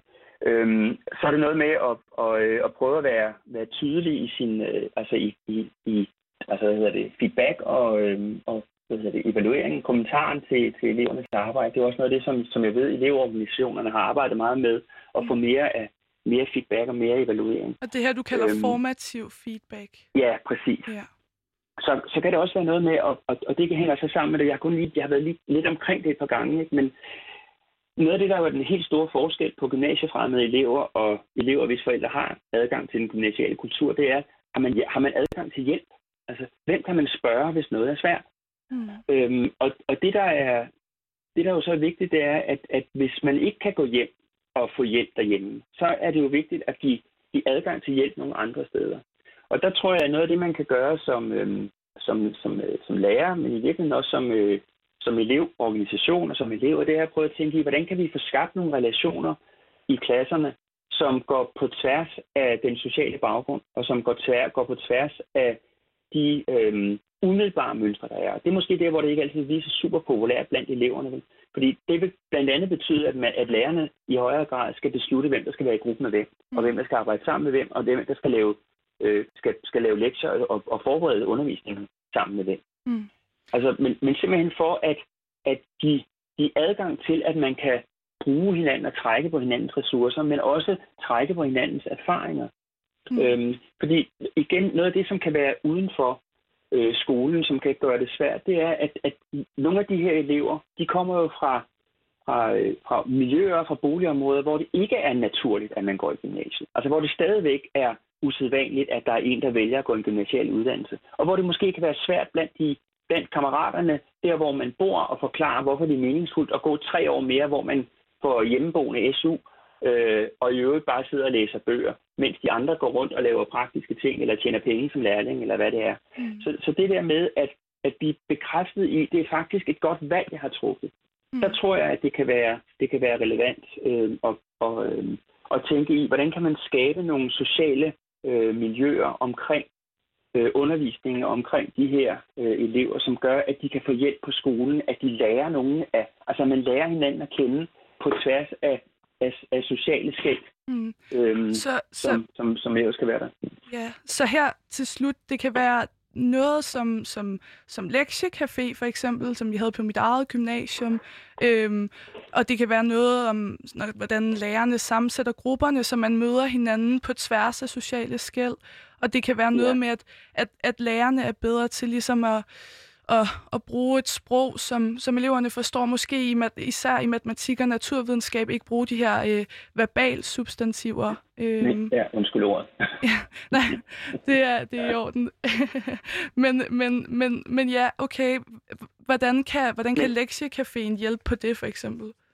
Jamen, Lektiecaféen kan jo helt konkret ved, at der er nogen, der er nogen, som man kan spørge. Øh, altså, hvis, hvis jeg ikke har nogen forældre eller nogen søskende, der kan hjælpe mig, så vil jeg kunne gå i, i Lektiecaféen og hjælpe dem. Men jeg vil også der kunne prøve at snakke med nogle andre om, hvad det er, jeg i øvrigt synes er svært. Altså, hvis jeg har svært ved at, at fastholde motivationen, der er, jeg, jeg er i begyndelsen af 2G, så er der godt nok langt til, til studentereksamen, ikke? og jeg er allerede ved at køre tør.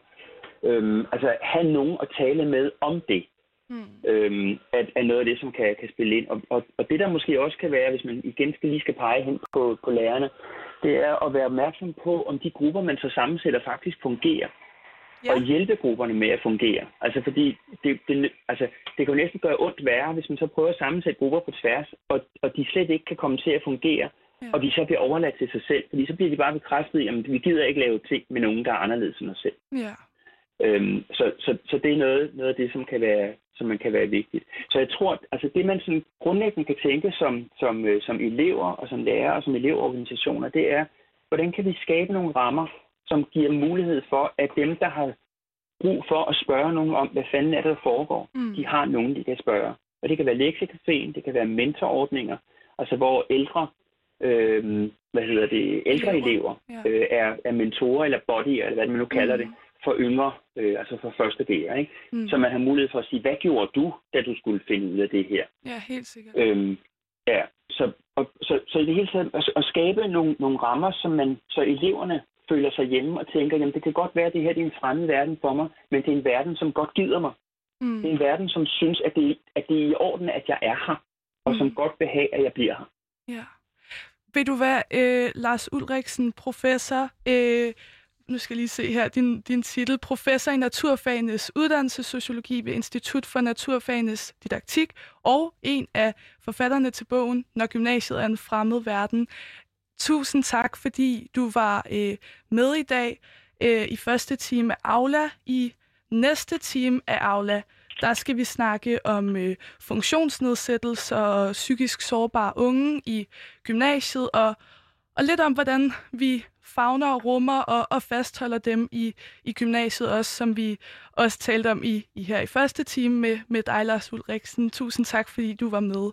Øh, mit, Tak, navn, mit navn er Olivia Kofod Olesen, og du lyttede til Aula.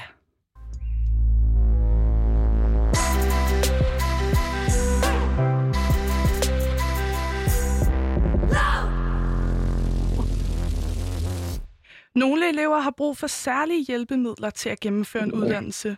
Det kan være alt fra en elevator til et hvilerum og et oplæsningsprogram. I anden time af Aula taler vi om, hvordan vi sikrer et uddannelsessystem, som kan rumme, hjælpe og fastholde unge med handicap og psykisk sårbarhed. De fleste unge er hver dag i berøring med uddannelsessystemet. I Aula debatterer vi alt det, der virker, alt det, der ikke virker, og alt det, vi ellers aldrig får snakket om. Vi overlader mikrofonen til hverdagens eksperter. Det er dem, der bruger vores uddannelsessystem, dem, der får taletid. Du lytter til Aula, og mit navn er Olivia Kofod Olesen. Flertallet af de 19-20-årige med fysiske og psykiske handicap er øh, hverken i uddannelse eller job, viser en socialpolitisk redegørelse fra 2020. Det er beskæmmende i et af verdens bedste velfærds, velfærdssamfund, mener Handicapråd. Undervisningsministeren vil se på, om man kan lave klasser for udsatte unge, ligesom elitesportsøvere har Team Danmark-klasser. Yes, og med på en telefon har vi næstformand i sammenslutning af unge med handicap, William. Hej så. Hej. Og så har vi Theodor, du er formand øh, i Send Ungdom, som beskæftiger sig med øh, unge med psykisk sårbarhed. Kan du prøve sådan at, at fortælle lidt, hvad det er for nogle unge, I har med at gøre i, øh, i Send Ungdom? Helt bestemt. Øh, jamen, altså, vi har jo at gøre med, med alle slags unge. Øh, nu er det jo målgruppen 16 til, til 35, vi, øh, vi har med at gøre, men, men vi har at gøre med, med både unge, der er, er i uddannelsessystemet, øh, nogen, der står uden uddannelsessystemet, øh, nogen på arbejdsmarkedet, nogen udefra, og det er, det er alle mulige øh, forskellige sjæle, vi har med at gøre, men, øh, men noget, der er, er gældende for dem, det er jo, at de øh, på en eller anden måde er psykisk sårbare unge, øh, og derfor jo også øh, har nogle udfordringer i, i hverdagen af forskellige art. Mm. Tusind tak, fordi du øh, vil være med, Theodor. Det er så dejligt. Og med på en, øh, på en telefon har vi som sagt øh, William, du er næstformand i sammenslutningen af unge med handicap. Kan du prøve at, at øh, fortælle lidt om, hvad det er for en organisation, du repræsenterer? Det kan du tro, jeg kan. Øhm, sammenslutningen af unge med handicap er en øh, paraplyorganisation for en masse, masse andre øh, ungdomshandicaporganisationer, øh, som kan være medlemsorganisationer i vores organisation. Øh, vi repræsenterer alle mulige forskellige unge med forskellige funktionsnedsættelser, og det kan både være fysiske, psykiske, kognitive og sensoriske funktionsnedsættelser. Øhm, og det er primært i alderen fra 16 til 36 år. Okay, så det er faktisk nogenlunde øh, samme alder, jeg har at gøre med. Du siger 16 til 35, Theodor, og William, du siger 16 til 36. Øhm, Ja, præcis. ja, okay. Øhm, og hvad, altså, hvad er det, man skal være særligt opmærksom på, øh, hvis, øh, hvis man har at gøre med, med unge med, med handicap, som, som går på en, en, en, en uddannelse, William? Altså først og fremmest vil jeg motivere for, at det altid kan give rigtig god mening at kommunikere sammen på en rigtig fin måde og indgå i, i god dialog. Øhm, jeg vil sige, vi har et, et fælles ansvar alle sammen, både som ung med en funktionsnedsættelse er det vigtigt, at man øver sig i at betalesætte de udfordringer, man har, og man prøver at øve sig i at, og, øh, indgå i god dialog, så man i fællesskab kan finde ud af, hvordan man kan komme udenom nogle af de her udfordringer her. Men jeg vil også sige, at, at lærere og diverse uddannelsesinstitutioner også har en vis form for ansvar for ligesom at skabe et, øh, et socialt tilgængeligt rum, som gør det muligt, at man kan, at man kan være sårbar og tale om nogle af de ting, som, Mm. som man har udfordringer. Nu hvor du siger socialt tilgængeligt rum, hvad, hvad mener du så? Ja, men altså i, i sammenslutningen af unge med handicap, der øh, arbejder vi med sådan en tilgængelighedstrekant. Så vi har tre forskellige former for tilgængelighed. Øhm, og det kan være fysisk tilgængelighed, det kan være faglig tilgængelighed, og så dernæst kan det være social tilgængelighed. Okay, Øhm, fysisk, og den- faglig og social tilgængelighed. Ja, Okay. præcis. Øhm, og den sociale tilgængelighed, det øhm, er noget, der handler om, at man ligesom, øh, at der bliver sat nogle gode rammer, for at man kan deltage i det, i det sociale rum, øhm, selvom man har nogle, nogle udfordringer. Og det kan handle om, at man for eksempel kan være, kan være med til at deltage i nogle af de sociale arrangementer, der er for eksempel, jeg sidder i kørestol, så derfor er det, er det ret vigtigt for mig, at jeg kan, øhm, kan deltage i forskellige fredagsbarer og så videre på, på min skole for eksempel. Mm.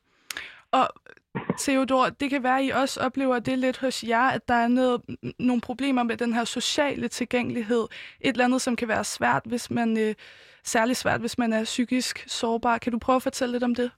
Ja, altså først og fremmest så tror jeg, at man øh, i hvert fald øh, skal sige også, at, at der er jo rigtig mange af, af psykisk sårbare unge, også øh, unge med, med andre funktionsnedsættelser, som jo rigtig gerne vil uddannelsessystemet, øh, og rigtig gerne vil øh, gennemføre en uddannelse, øh, men jo ligesom så mange andre jo måske har nogle andre behov, øh, udfordringer. Det tror jeg i hvert fald er, er rigtig, rigtig vigtigt at få med, Mm. øh, at det altså ikke er en, en gruppe, der, der ikke ønsker det øh, på det, for det vil de rigtig, rigtig gerne. Men, øh, men ja, det er klart, at hvis man kigger på de her med, med sociale udfordringer, der kan, kan være, øh, en ting er jo de her fysiske rammer, øh, som jo selvfølgelig betyder noget, som, som William jo også er inde på. Det er jo klart, at, at sidder man for eksempel i kørestol også, jamen, så er det jo klart, så skal der jo også være nogle andre øh, tilgængelige muligheder øh, på den måde. Men når man ligesom kigger på det sociale, så er det også bare vigtigt, at man får skabt et øh, trygt rum, øh, at man giver øh, unge med psykiske sårbarheder nogle muligheder for at indgå på lige fod. Øh, der kan jo være nogen, som kan have svært ved at deltage i større forsamlinger. Mm. Der kan jo være nogen, hvor det måske ikke lige er den vilde fest, øh, der lokker rigtig, rigtig meget, men så er der så mange andre ting. Øh, og noget af det, vi jo gør i sin ungdom, det er, at vi jo, vi jo tilbyder nogle fællesskaber øh, til de her unge, hvor der er rigtig, rigtig højt til loftet, øh, hvor der er nogle muligheder for at spille spil, være kreative, øh, gå en tur, få noget luft. Nogle af de her måske lidt hverdagsting. Mm-hmm. Øh, for mange unge mennesker jo, øh, er det ikke bare noget, vi gør? Jo, det er det, men det er jo ikke alle, der måske har mod til det, eller netværket til ressourcerne. Mm. Øh, og der synes jeg jo for eksempel, at, at uddannelsesstederne jo har en vigtig rolle ja. øh, netop med at få inkluderet alle. Mm. Øh, så det er noget med der at lave nogle alternativer, eller jeg, jeg så lige mit eget gymnasium, øh, de har en, en autisme-linje, øh, så de har en klasse på, på, på hver årgang, øh, og de har sådan et øh, hvilerum, øh, som man simpelthen kan, kan, kan gå ind i og slappe lidt af, hvis, hvis det hele bliver lidt for meget, eller hvis de andre er med i en lidt større forsamling, og så vil man ikke lige med der. Er det sådan noget, der kunne være, øh, der kunne være smart at have ude på uddannelsesinstitutionerne?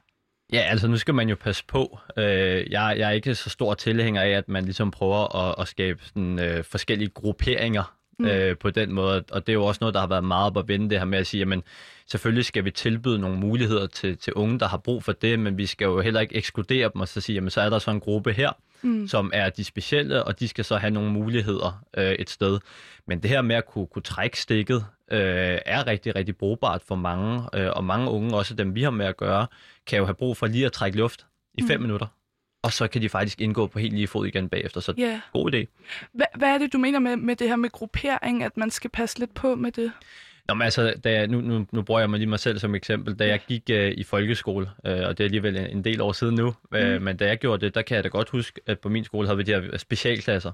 Okay, ja. uh, som jo var unge, der havde nogle, nogle specielle udfordringer, og, og der synes jeg jo, man skal tilbyde nogle gode rammer til dem. Mm. Og det har man jo helt sikkert også forsøgt.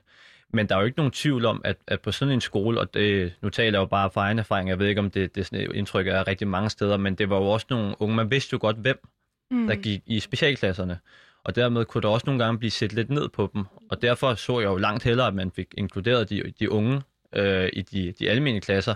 Er der så nogen, der har nogle meget, meget specifikke behov, så må man jo kigge på det, mm. øh, som jeg også kan forstå, der bliver, bliver lagt op til fra ministeriets side mm. af. Men, men, men så vidt muligt skal, skal unge jo kunne indgå, og vi skulle gerne have et uddannelsessystem, hvor der var plads til dem alle sammen. Mm.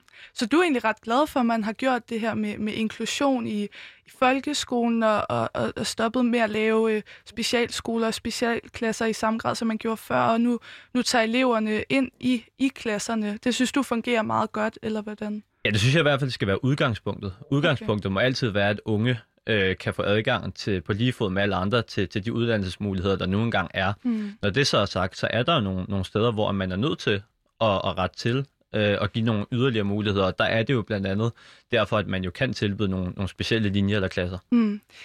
William, øh, har, du, har du samme opfattelse som Theodor her? Synes du også, at, at det er super godt med, med de her inklusioner, øh, man har lavet i, i, i grundskolen, især taget, taget de her elever, som før havde været i en specialklasse eller på en specialskole med ind i klasserne? Fungerer det egentlig meget okay? Øhm, jamen, altså jeg vil sige, det er, øh, jeg synes, det er meget individuelt, hvordan det fungerer bedst for den enkelte. Jeg har personligt også gået på en på en specialskole en del af min folkeskoletid. Øhm, og der kunne man da godt, det kunne være en lille smule svært at komme ud i en normal folkeskoleklasse efter, men til gengæld så på min specialskole fik jeg også en masse værktøjer øhm, til at skulle agere i den normale verden, hvis man kan kalde det det. Øhm, så Hvorfor var det, det svært? Hvorfor var det svært øhm, at komme ind i, i, i, i folkeskolen? Jamen altså, øh, de fleste specialskoler, der er man ikke så mange elever, og der er som regel tit mange pædagoger og mange lærere til enkelte elever, så der er rigtig meget fokus på os. Øhm, jeg gik for eksempel i en klasse, hvor vi var, øh, det var lidt forskelligt, om vi var fire eller seks elever i en klasse. Okay. Det er jo ikke særlig meget i en folkeskoleklasse i forhold til, at skulle være 30 elever. Mm. Øhm, så Øh, I udskolingen skiftede jeg til en normal folkeskole, og der skulle man lige lære, lære at navigere i, hvor mange elever, der lige pludselig kunne være i klassen, og at øh, før var det jo næsten ene undervisning, når der kunne være to lærere i en klasse med fire til seks elever, og nu skal man alle sammen dele som om en lærer. Så der var der helt klart lige nogle ting der, man lige skulle, man lige skulle vende sig til. Øhm, mm. Men på den anden side, så har jeg også lært en masse ting på min specialskole, som jeg har været rigtig glad for, og som jeg måske ikke ville kunne have lært andre steder. Øhm, så, det, så det er meget forskelligt. Normalt vil jeg også 100% motivere for, at man prøver at lade være med at ekskludere unge med funktionsnedsættelser. Øhm, men jeg oplever også bare nogle enkelte unge, som snakker om deres specialskoleerfaringer, og som er super glade for det. Øhm, så det er selvfølgelig også vigtigt, at der er mulighed for, at man, at man kan øhm, komme ind i nogle lidt tryggere forhold. Øhm, men altså ja, 9 ud af 10 gange vil jeg jo motivere for, at man prøver at blive inkluderet i civilsamfundet. Ja. tror du, lærerne er klædt ordentligt på, eller oplever du det? Hører du det fra de andre unge i, øh, i sammenslutningen af unge med handicap? At, at lærerne er klædt på til ligesom at, at gribe øh, eleverne her med, med funktionsnedsættelser? Øhm, umiddelbart vil jeg egentlig sige, øh, sige nej, altså fordi jeg, jeg oplever egentlig, at det er meget forskelligt, hvorvidt lærerne øhm, er gode til at skulle håndtere med nogle særlige udfordringer i deres klasse. Øhm, så jeg kan undre mig lidt over, om det er noget, noget baggrundsviden, det ligesom har fået øhm, på deres uddannelser osv.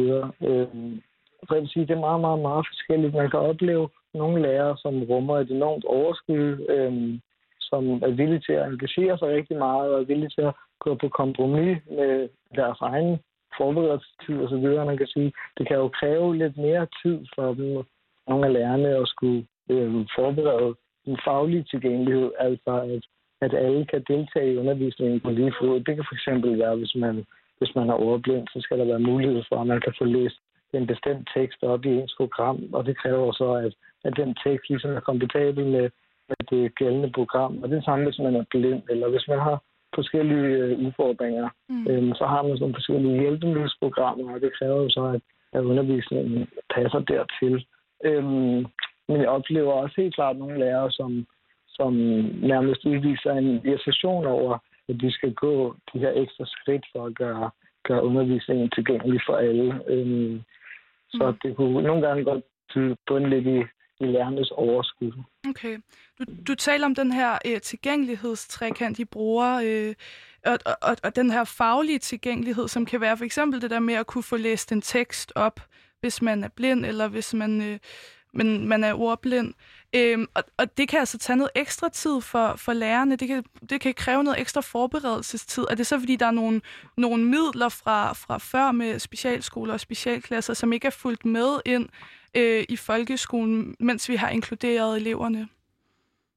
Øhm, ja, det kan det jo godt være. Altså, men, men ofte så er det nok også, fordi lærerne ikke tænker så, tænker så langt. Altså, hvis de skal have udprintet en tekst, som man skal bruge i, bruge i undervisningen, så vil de jo, de fleste lærer jo prøve at spare tid og prøve at finde den nemmeste måde at, at gøre det her på. Mm. Øhm, og nogle gange kan det godt bare være en, en lille smule mere besværligt at gøre med undervisningsmateriale tilgængeligt.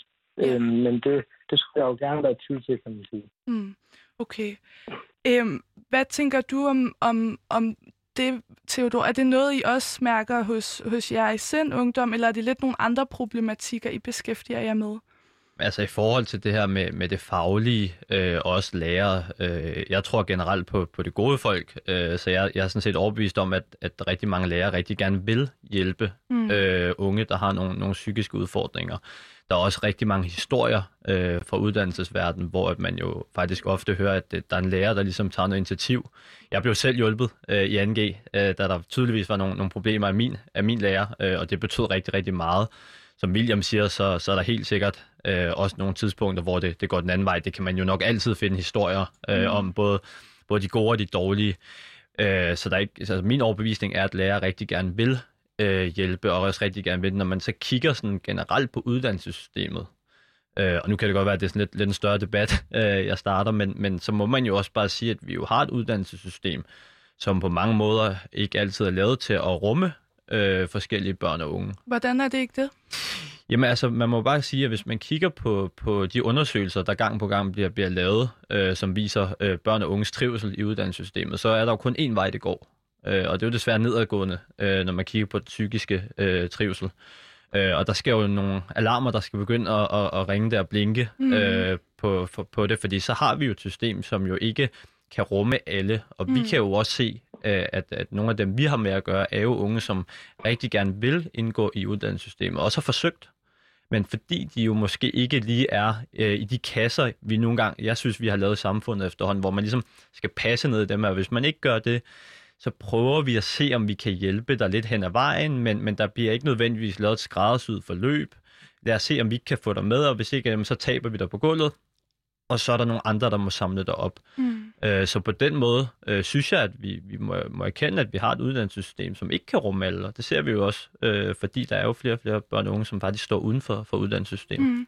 Hvad er det så, man kan gøre ved det? Altså, kræver det, at vi får nogle flere skolepsykologer, eller, eller hvad med, med det, der hedder en STU, altså en særligt tilrettelagt øh, ungdomsuddannelse, øh, og, og, og det, der hedder FGU'en, øh, er, er det sådan nogle ting, at vi kan, vi kan prøve at lave nogle uddannelser, som passer bedre til, til unge, der har nogle særlige udfordringer? Ja, altså vi skal jo i hvert fald begynde sådan generelt nok at kigge på, på uddannelsessystemet, øh, og hvilke muligheder der er i uddannelsessystemet. Øh, nogle gange så eksisterer det her uddannelsesnopperi desværre også stadig, hvor der nok er nogle uddannelser, der er mere populære end andre, og det er jo, det er jo igen de her kasser, øh, vi nogle gange har skabt. Øh, jeg ved også, at hvis man skal på en videregående uddannelse, så, så snakker mange tit om jura, øh, mm. som noget fint og fancy, og så er der sådan en masse andre uddannelser, som kan være mindst lige så gode, øh, mm. som ikke bliver talt op.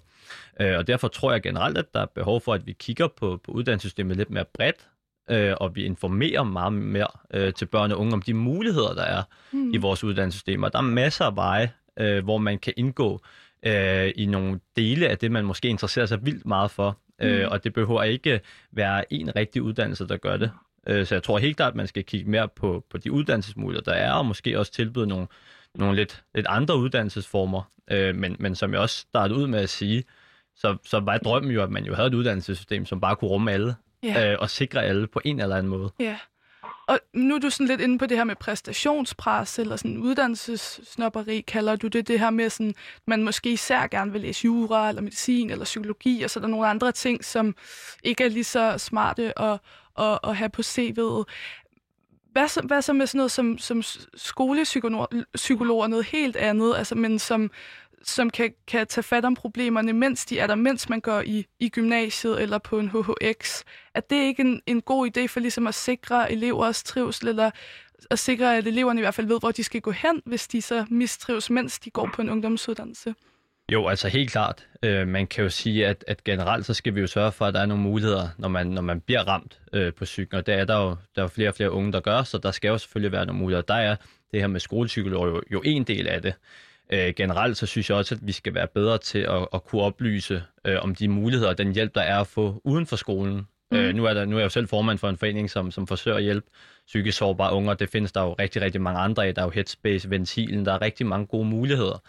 Og, og mit indtryk er jo ofte, at, øh, at både skolepsykologer og studievejledere og lignende ikke altid kender til de her tilbud, der er rundt omkring, og på den måde også har svært ved at henvise til det. Mm. Og så er der jo også, må man jo bare sige, at det her med at, at, at i talesæt øh, psykisk sårbarhed og måske nogle psykiske diagnoser, er jo også et felt, hvor det kan være svært at, at, at begå sig i. Øh, også hvis man som lærer jo ikke er uddannet i det. Øh, og det er jo fredværd med det. Det er jo meget forståeligt, at der er jo nogle ting, hvor man måske siger, jamen, noget berøringsangst, og, og hvad gør jeg i en situation, hvor jeg for eksempel oplever et angstanfald øh, mm. hos en elev? Hvad, hvad, hvad gør jeg egentlig så? Så der er også noget, der handler om, øh, om kan man sige, oplysning den vej igennem. Ja, måske noget efteruddannelse ja. af, af lærer. Tænker du også det, øh, William, at der er brug for noget efteruddannelse af lærerne, eller lærerne er, er, er klar over, at de skal kunne henvise til nogle bestemte ting, eller måske det her med, med SPS, specialpædagogisk støtte, at, at man er opmærksom på det, som, som lærer ved, at det eksisterer, at det er noget, eleverne har krav på? Jeg synes i hvert fald helt klart, når vi snakker om SPS, at, øh, at de forskellige uddannelsesinstitutioner skal gøre skal være lidt bedre til at vejlede i og rådgive i SPS-ordninger. Øhm, I vores organisation ser vi en, en masse unge, som er utrolig glade for deres SPS-ordninger, og der er mange af dem, som faktisk ytrer, at SPS har haft en afgørende betydning for deres gennemførelse af deres ungdomsuddannelse. Øhm, samtidig ser vi desværre også en masse unge, som slet ikke kender til den her SPS. Mm. Øhm, og der vil jeg mene, at det i høj grad er uddannelsesinstitutionernes ansvar at, øh, at fortælle eleverne om den her SPS, mm. særligt ved studiestart. Nu siger du, at det kan være helt afgørende for nogle elever, at de modtager øh, social, hvad hedder det, specialpædagogisk øh, støtte, SPS. Hvorfor er det, det kan være helt afgørende? Hvad er det sådan konkrete SPS er for noget? SPS, det kan være alle mulige forskellige ting. Øhm, jeg kommer til lidt på, hvad det har, hvad det har været personligt for mig. Jeg har, jeg har muskelsvind, så mine udfordringer i løbet af en skoledag er oftest fysiske. Mm. Øhm, og SPS'en, det var, det var den, der dækkede øhm, min hjælpers løn i al den tid, jeg gik i, i gymnasiet, så alt det hjælperne skulle hjælpe mig med i løbet af en skoledag med fysiske opgaver, altså at flytte en computer fra det ene klasselokal til det andet, eller lige hjælpe mig med at skrive, hvis jeg havde behov for det, eller hjælpe mig med at printe osv. Øhm, der er det skolens ansvar at sørge for, at jeg får den hjælp, jeg skal have under undervisningen. Øhm, så jeg spillede sådan dækket som min, min hjælperudgifter, og det var jo øh, rimelig afgørende for, at jeg kunne gennemføre min ungdomsuddannelse i hvert fald. Øhm, men, men det her, det var mest det fysiske, jeg kom ind på her. Øhm, men SPS skal også hjælpe en masse, som har fysiske eller psykiske udfordringer. Øhm, og det kan være sådan med, at de kan, du kan få en SPS-vejleder, som kan hjælpe dig med at strukturere din skoledag, hvis det kan være lidt overskueligt for dig at finde ud af, hvornår du skal lave dine lektier, og hvornår du skal møde, og i hvor god tid du skal starte, og så videre. Øhm, og så kan de også hjælpe dig generelt med ligesom at, at tale med dig om din, om din hverdag, og de kan sådan hjælpe dig med at skabe et godt rummeligt rum for, at du kan, at du kan ytre, hvad du har brug for, for ligesom at, at gennemføre. Så de kan ligesom, det er sådan en særlig ordning, der kan struktureres på forskellige måder, øhm, som egentlig bare til gode eleven. Mm. Og hvor, hvor tit bliver det her brugt? Hvor mange elever får det her øh, støtte? Øhm, det må jeg jeg kan ikke lige svare på, hvor mange elever, der får SPS, men vi har lavet sådan en undersøgelse i, i sammenslutningen af unge med handicap. Øhm, og i den her undersøgelse, der er der øh, lige over 300 unge mennesker med funktionsnedsættelser, som har, har svaret. Og, og øhm, alle dem, der har modtaget SPS, er det 65 procent af dem, som siger, at, øh, at SPS har haft en afgørende betydning for deres, for deres gennemførelse af studiet.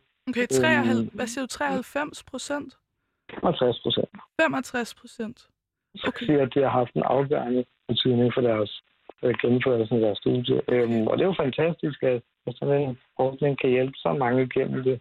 Øhm, det siger til gengæld også, at man samlet set med alle dem, der har besvaret på, øh, på vores øh, spørgeskema, der er det lige over 40 procent, som siger, at de ikke har kendskab til, til SPS det kunne godt tyde på, at der er noget, et, et ansvar her, der ikke helt bliver opretholdt. Okay, så der er simpelthen en del af, af, af de unge, I repræsenterer, som, som ikke øh, får en intro til SPS, når de starter på deres ungdomsuddannelse?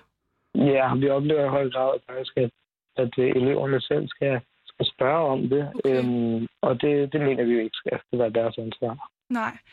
Er det, er det skolen, der, der skal sige det? Er det lærerne, der skal være opmærksom på det? Eller hvem er det konkret ude på skolen, tænker du? Øhm, jeg tænker helt klart, det er, det er lærerne. Personligt, da jeg startede på en, på en undersøgelse, der tog jeg kontakt til skolen og, og fortalte dem om mine udfordringer, inden jeg startede. Øhm, og det kan jo også give rigtig god mening for unge at gøre det.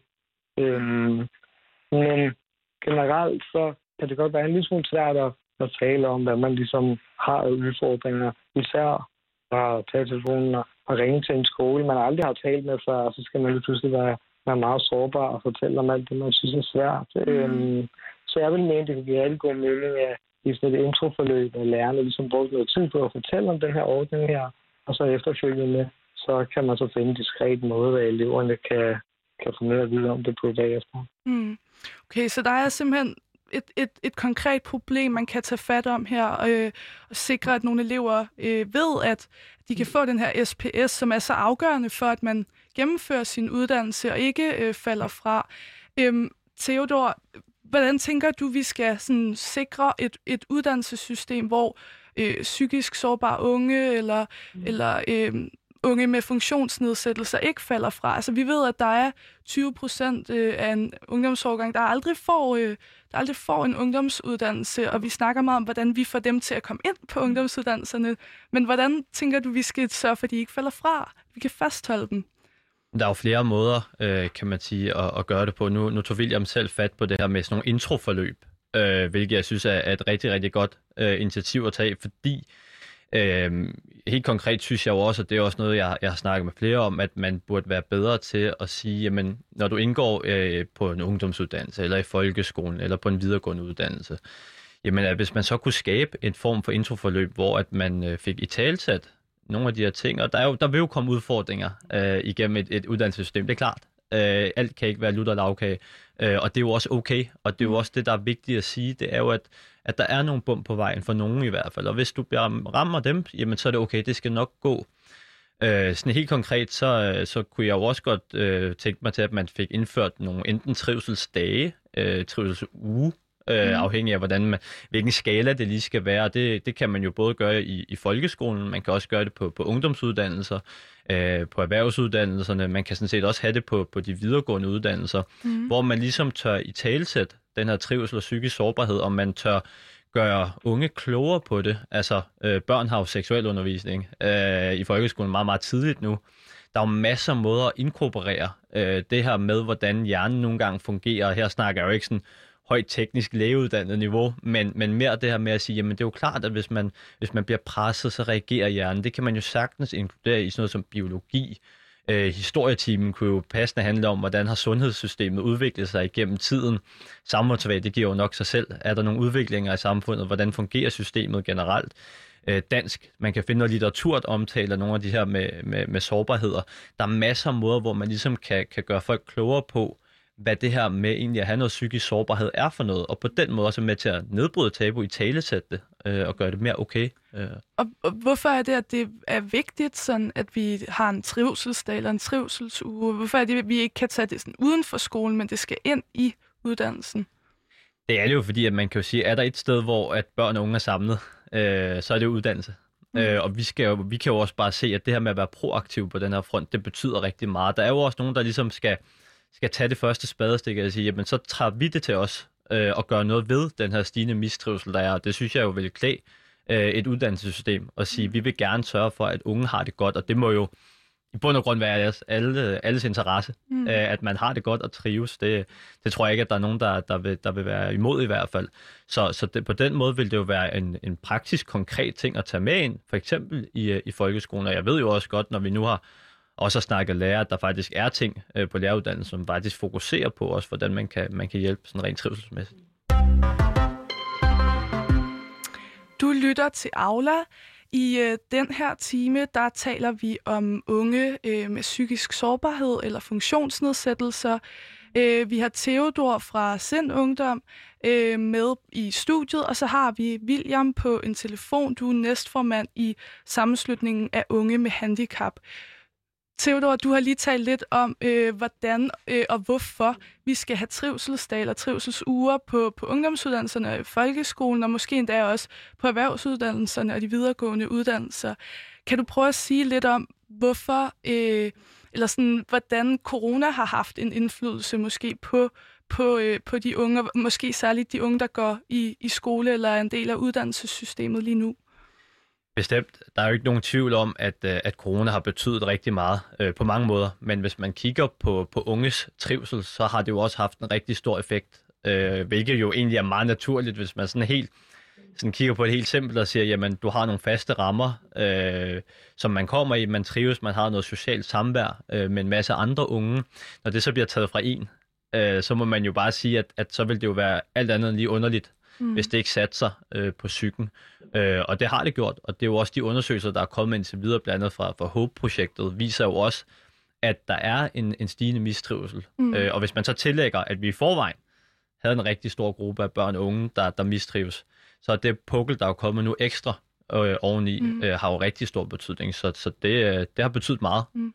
Kan det, kan det være dråben for nogle af de her elever, der i forvejen øh, mistrives, altså der havde det dårligt og var, var psykisk sårbare? Kan, kan corona være dråben, der får bæret til at flyde over for dem? Det kan det bestemt. Øh, man kan jo sige, det her med i hvert fald at have sit fællesskab, øh, det tror jeg mange kan ikke genkende til, det her med, at man kan jo godt have det svært i nogle perioder, men så har du måske et netværk, øh, du har noget at stå op til, du skal måske ud på, din, på din uddannelse, øh, der får du snakket lidt, så er der jo også mange ting, der nogle gange kan, kan forsvinde lidt, fordi du også får nogle gode oplevelser, det her med at være i kontakt med andre unge.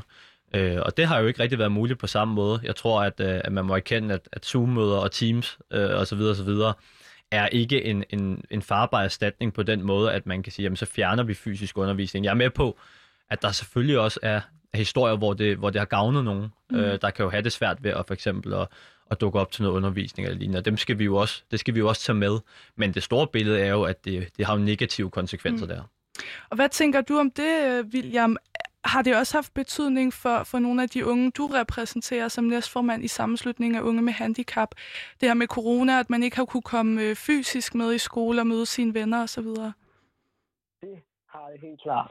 Øhm, jeg vil lige starte med at sige her, at jeg er ovenud lykkelig for, at vi endelig er nået til et sted, hvor vi kan snakke om trivsel i vores, i vores samfund. Det er som om, det har været et tabuiseret emne, som der bare ikke har været okay at tale om.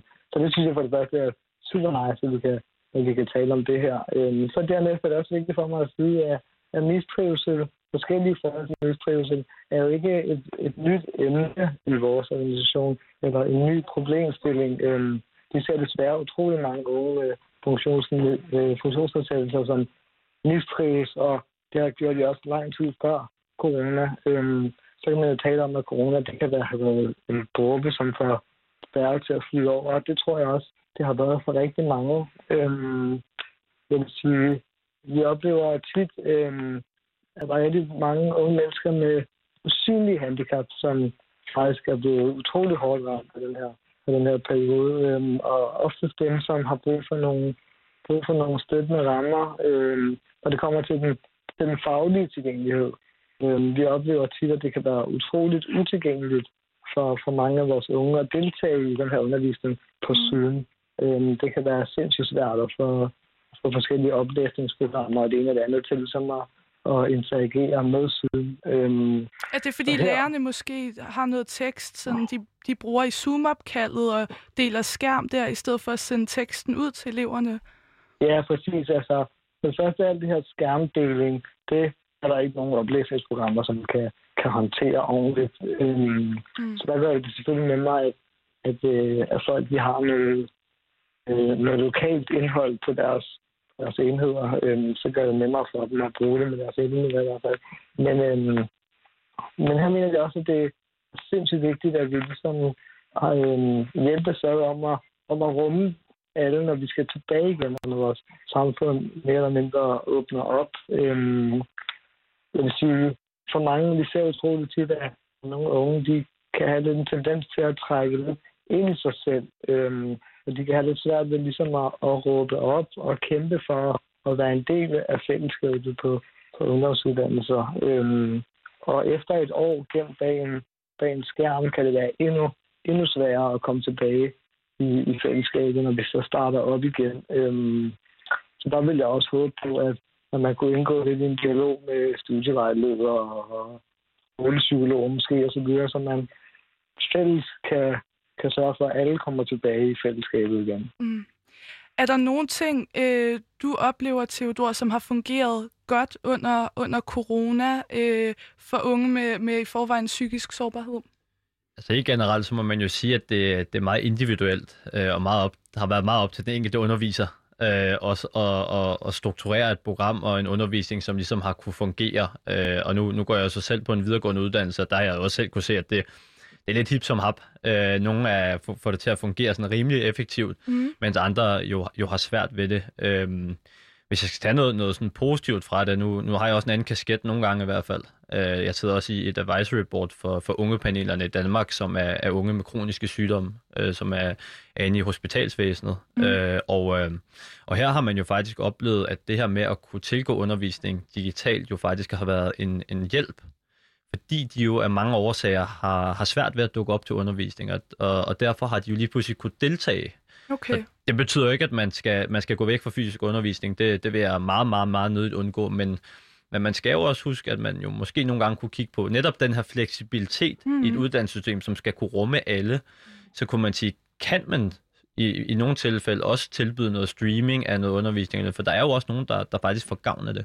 Ja, så der er simpelthen en elevgruppe, som godt kan lide den her øh, virtuel undervisning, og måske endda trives bedre med den, end at skulle møde op om morgenen, og det er tidligt osv.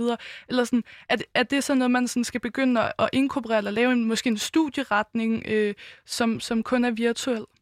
Altså, som sagt, så, så er jeg jo ikke fan af, at man, øh, man fjerner fysisk undervisning, fordi jeg, jeg synes jo generelt, at det er vigtigt, at, at man får det her fællesskab og det her mm. sociale relationer til hinanden også. Hvis man snakker med, med unge, der jo, der jo for eksempel er kronisk syge, så må man jo bare sige, at det jo ofte er sådan, at de er indlagt på hospitaler ja. øh, igennem både kortere og længere perioder.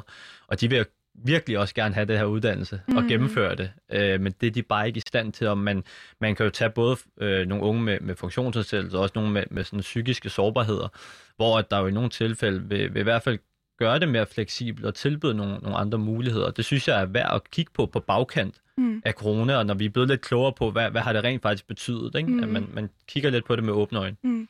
Hvad med dig, William? Øh, hvad tænker du om det? Har der, er der et eller andet, der har fungeret helt vildt godt under corona med, med virtuel skole for mange øh, unges vedkommende? Øh, er der noget, der har fungeret særlig godt for, for nogle grupper af unge med funktionsnedsættelser måske? Altså, jeg vil da ligesom til at sige, at vi nok er rigtig, rigtig, rigtig mange, som vil savne at komme tilbage fysisk i, i en eller anden grad.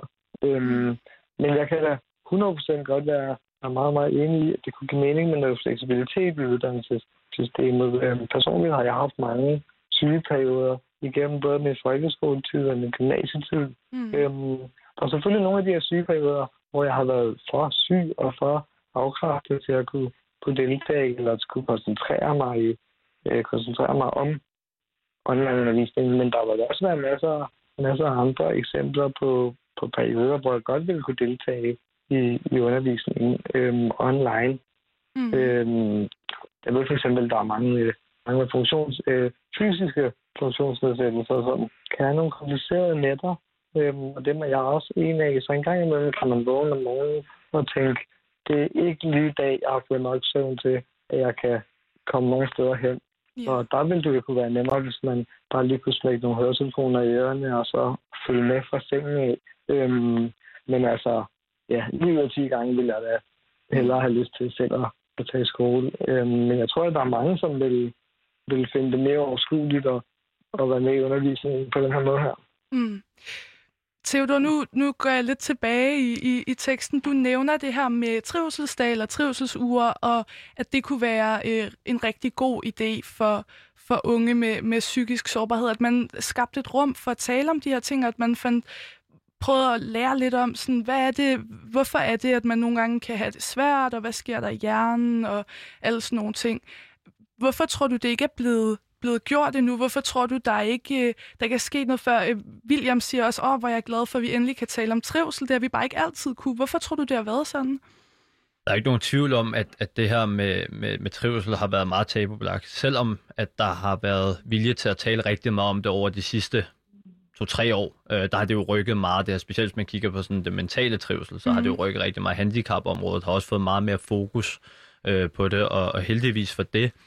Men, men der er jo også stadig tabu øh, omkring det her med at åbne op og, og fortælle om sine sårbarheder. Det, det hænger jo nok lidt sammen med, at vi har det her øh, præstationssamfund, hvor det her med at vise sine sin svagheder øh, og sårbarheder jo ikke mm. er øh, normalt for alle. Om, det er jo ikke alle, der har lysten til det. Øh, mm. Og det er jo heller ikke, fordi man skal øh, stå frem, hvis man ikke har lyst. Det er jo ikke det, det handler om. Så jeg tror, at, øh, at generelt, at der har været det her tabu, som har fyldt meget. Så må man jo også bare sige, at det at gå ind og at indføre for eksempel trivselsdag eller trivselsuge eller noget lignende, jo også er et indgreb mm. øh, i forhold til uddannelsessystemet. Øh, og hvis man kigger på folkeskolen for eksempel, så kræver det jo bare nogle, nogle, nogle ting. Mm. Hvorfor er du så glad, William, for at vi endelig kan tale om mental trivsel, og ikke, og ikke kun øh, at, at have adgang til en rampe eller en elevator? Jamen altså, der er, der er sindssygt mange unge med forskellige former for funktionsnedsættelser, som skal i talesætte alle deres øh, daglige udfordringer, og som skal øve sig i ligesom at, at få noget selvindsigt og snakke om, hvad de har svære ved at, ved at deltage i. Øhm, for mig personligt har det været en masse forskellige fysiske udfordringer, jeg har skulle være god til at talesætte. Mm. Men så gør det måske også, at man, når man hele tiden skal i talesætte øh, fysiske udfordringer, så gør det måske også, at jeg et eller andet sted ikke har lyst til at skulle i talesætte alle de udfordringer, jeg har inde i, og, øhm, og psykiske udfordringer, fordi så kan det lige pludselig godt kun være udfordringer, man snakker om hele dagen med sine venner og sine lærere, og det har man jo heller ikke lyst til at bruge sin, mm. bruge sin tid på. Øhm, jeg kan huske, at jeg var en, en ung dreng med en masse hormoner i kroppen, så vil man jo man vil gerne fremstå som om, at man har, at man har styr på sine ting, og jeg har personligt rigtig svært ved at, at udtrykke noget sårbarhed og have rigtig svært ved at håndtere folks medlidenhed mm. over for mig. Øhm, så derfor så tror jeg tit, at man prøver at flygte lidt fra, fra nogle af de her ting her, øhm, fordi man, tænkte, jeg har nok udfordringer, og folk bekymrer sig nok om mig mm. på den ene og på den anden måde, så de behøver ikke også at vide, at jeg for eksempel føler ensomhed på mit, på mit studie, eller hvad det nu ellers skulle være forskellige, øh, forskellige udfordringer. Mm. Er det også noget, du, øh, du hører om, Theodor, som formand for, øh, for Sind Ungdom, det her med, at man kan være faktisk lidt bange for, om oh, er folk nu bekymret igen, eller øh, hele tiden har med lidenhed, og fylder jeg for meget med min, med min sårbarhed, når de, når de går i skole? Ja, helt klart. Øh, der er jo to ting i det. En ting er det her med, at man kan sige, at øh, skal folk nu have med lidenhed, og det er jo også fordi, at man vil jo, man vil jo ikke være til besvær. Jeg tror ikke, der er nogen, mm. øh, der har lyst til at føle, at de er en byrde for andre. Mm. Øh, og jeg tror, mange kan kende det her som at være, også være pårørende til en, mm. der, der har noget psykisk mistrivsel, hvor man jo bare gerne vil hjælpe, men vedkommende, der, der går og døjer med noget, jo ikke vil være føle, at man er til besvær. Øh, og det er jo også sådan mange, som William jo også er inde på her, jo også kan se, at er det, er det også nødvendigt at gøre opmærksom på det hele mm. tiden. Mm. Øhm, så det er jo helt klart noget, der er, der, der er svært. Øh, jeg fik selv konstateret ADHD, da jeg var 13, ja. øh, og det gik øh, en, en god rum tid, før at jeg ligesom turde være åben omkring det. Okay. Øh, netop af den her årsag også, at men, ah, men, man skal heller ikke tage for meget hensyn til mig, og, og det er jo bare en lille pille øh, Ritalin, jeg skulle tage, og så fungerer jeg jo ellers meget godt. Øh, så mm. der er jo noget, noget berøringsangst ved det her med at, at få omtalt de mm. her ting. Kan der være noget sådan helt øh, fysisk, man kan gøre ved et, ved et rum, for at det er rart at være i for folk med, med sådan funktionsnedsættelser eller psykisk sårbarhed? Altså noget med rumklang, tænker jeg på for eksempel. Vi har været lidt inde på det med elevator og ramper, og det kan måske være svært i, i fredede bygninger. Øh, hvordan, hvordan skaber man ligesom et rum, der er rart at være i, og hvad er det for nogle ting, man skal være opmærksom på, hvis man har en, en skole eller en uddannelsesinstitution? Jeg tror, alle har, har prøvet at være på sådan en, en gammel folkeskole, øh, mm. hvor man kommer ind der i rummet, og der ikke er blevet luftet ud, og, og varmesystemet fungerer heller ikke. Øh, og der jo, man må bare sige, at, at sådan nogle fysiske rammer betyder faktisk ret meget. Det her med at kunne få frisk luft ind, det her med at kunne have en, en nogenlunde almindelig temperatur, så man ligesom føler sig tilpas, og man føler sig tryg. Mm. Øh, der er også helt klart noget omkring med, hvor mange elever, nu er man jo op, i hvert fald på 30 mange steder, ikke? Og, og, ja. og hvis man bliver ved med at følge elever ind i, i klasselokalerne, så bliver bliver mulighederne for at, at føle, at det, det er et trygt rum, hvor man kan, kan være der, hvis man har nogle udfordringer, jo heller ikke større. Mm. Øh, så der er helt klart noget omkring øh, de her fysiske rammer, vi tilbyder. Mm. Hvad tænker du om det, William? Hvad er det for nogle fysiske rammer, der er brug for? Hvordan kan man sørge for, at, at skolen er, er tilgængelig på den måde, også, øh, også selvom det er en fredet bygning måske? Øhm, jamen altså, det kan fx være sådan noget med, at man kan komme ordentligt rundt i kantinen på sit gymnasium, eller jeg ikke er tvunget til at skulle sidde på forreste række i min, i min klasselokale, fordi det nu engang lige er der, der er plads. Mm. Eller modsat, at jeg ikke er tvunget til at sidde, sidde der på række, eller man kan komme op til tavlen i klassen. Og der er en masse af sådan små ting, øhm, som, som det sådan kan være behjælpelige. Og så er der selvfølgelig handicaptoiletter. Øhm, jeg har talt med nogen, som ikke mener, at handicaptoiletterne på, på deres ungdomsuddannelse er tilstrækkelige for, at de faktisk selv kan øh, komme på toilettet. Øh, og mange af dem øh, beskriver faktisk, at det er øh, små tiljusteringer, der skal til, for at de ligesom selv kan benytte toilettet. Mm. Øh, men jeg vil sige, som, som tiden går, som vores samfund bliver, bliver mere og mere moderne, oplever jeg faktisk, at den fysiske tilgængelighed oftest bliver bedre og bedre og bedre. Øh, personligt på mit gymnasie, dengang jeg gik der, der var der ikke rigtig nogen udfordringer fysisk. Øhm, men jeg oplever til gengæld lidt, at, at øh, udfordringer, som er relateret til usynlige handicaps, tit godt kan blive negligeret lidt, og det, mm. det synes jeg er jo lidt. Hvad kan et usynligt handicap være, for eksempel?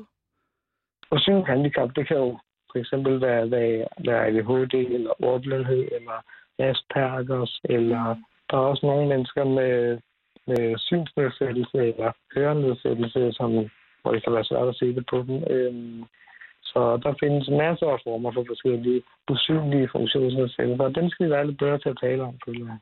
Ja. Okay, og, og det, er, det er noget, det er en samtale, lærerne skal facilitere, eller er det noget, man selv har ansvar for at blive bedre til at tale om? Øhm, jeg vil sige, jeg synes, at det, det er et fælles ansvar. Man har selvfølgelig selv en stor del af ansvaret. Øhm, hvis du har et usynligt handicap, er der ikke nogen, der kan gætte sig frem til, hvad du har brug for hjælp. Øhm, det kan også godt være, at din øh, usynlige funktionsnedsættelse er så lille, at det, at det ikke er relevant at talesætte, men, mm. men vi oplever tit, at, at, øhm, at hvis man lige får en lille smule støtte og lidt hjælp, så kan man, øhm, så kan man nå meget længere øh, i sin uddannelsesforløb. Øhm, mm. Vi oplever også faktisk øh, med sådan noget, noget usynlige handicap, som, som siger, at, øhm, at de bliver meget forsinket på deres, på deres ungdomsuddannelse, ofte fordi de ikke får den støtte eller hjælp, som de havde håbet på at få. Tusind tak, fordi I var med begge to, både Theodor, formand for Sind Ungdom, og William, næstformand i sammenslutningen af unge med handicap. Du lyttede til Aula, og mit navn er Olivia Kofod Olesen.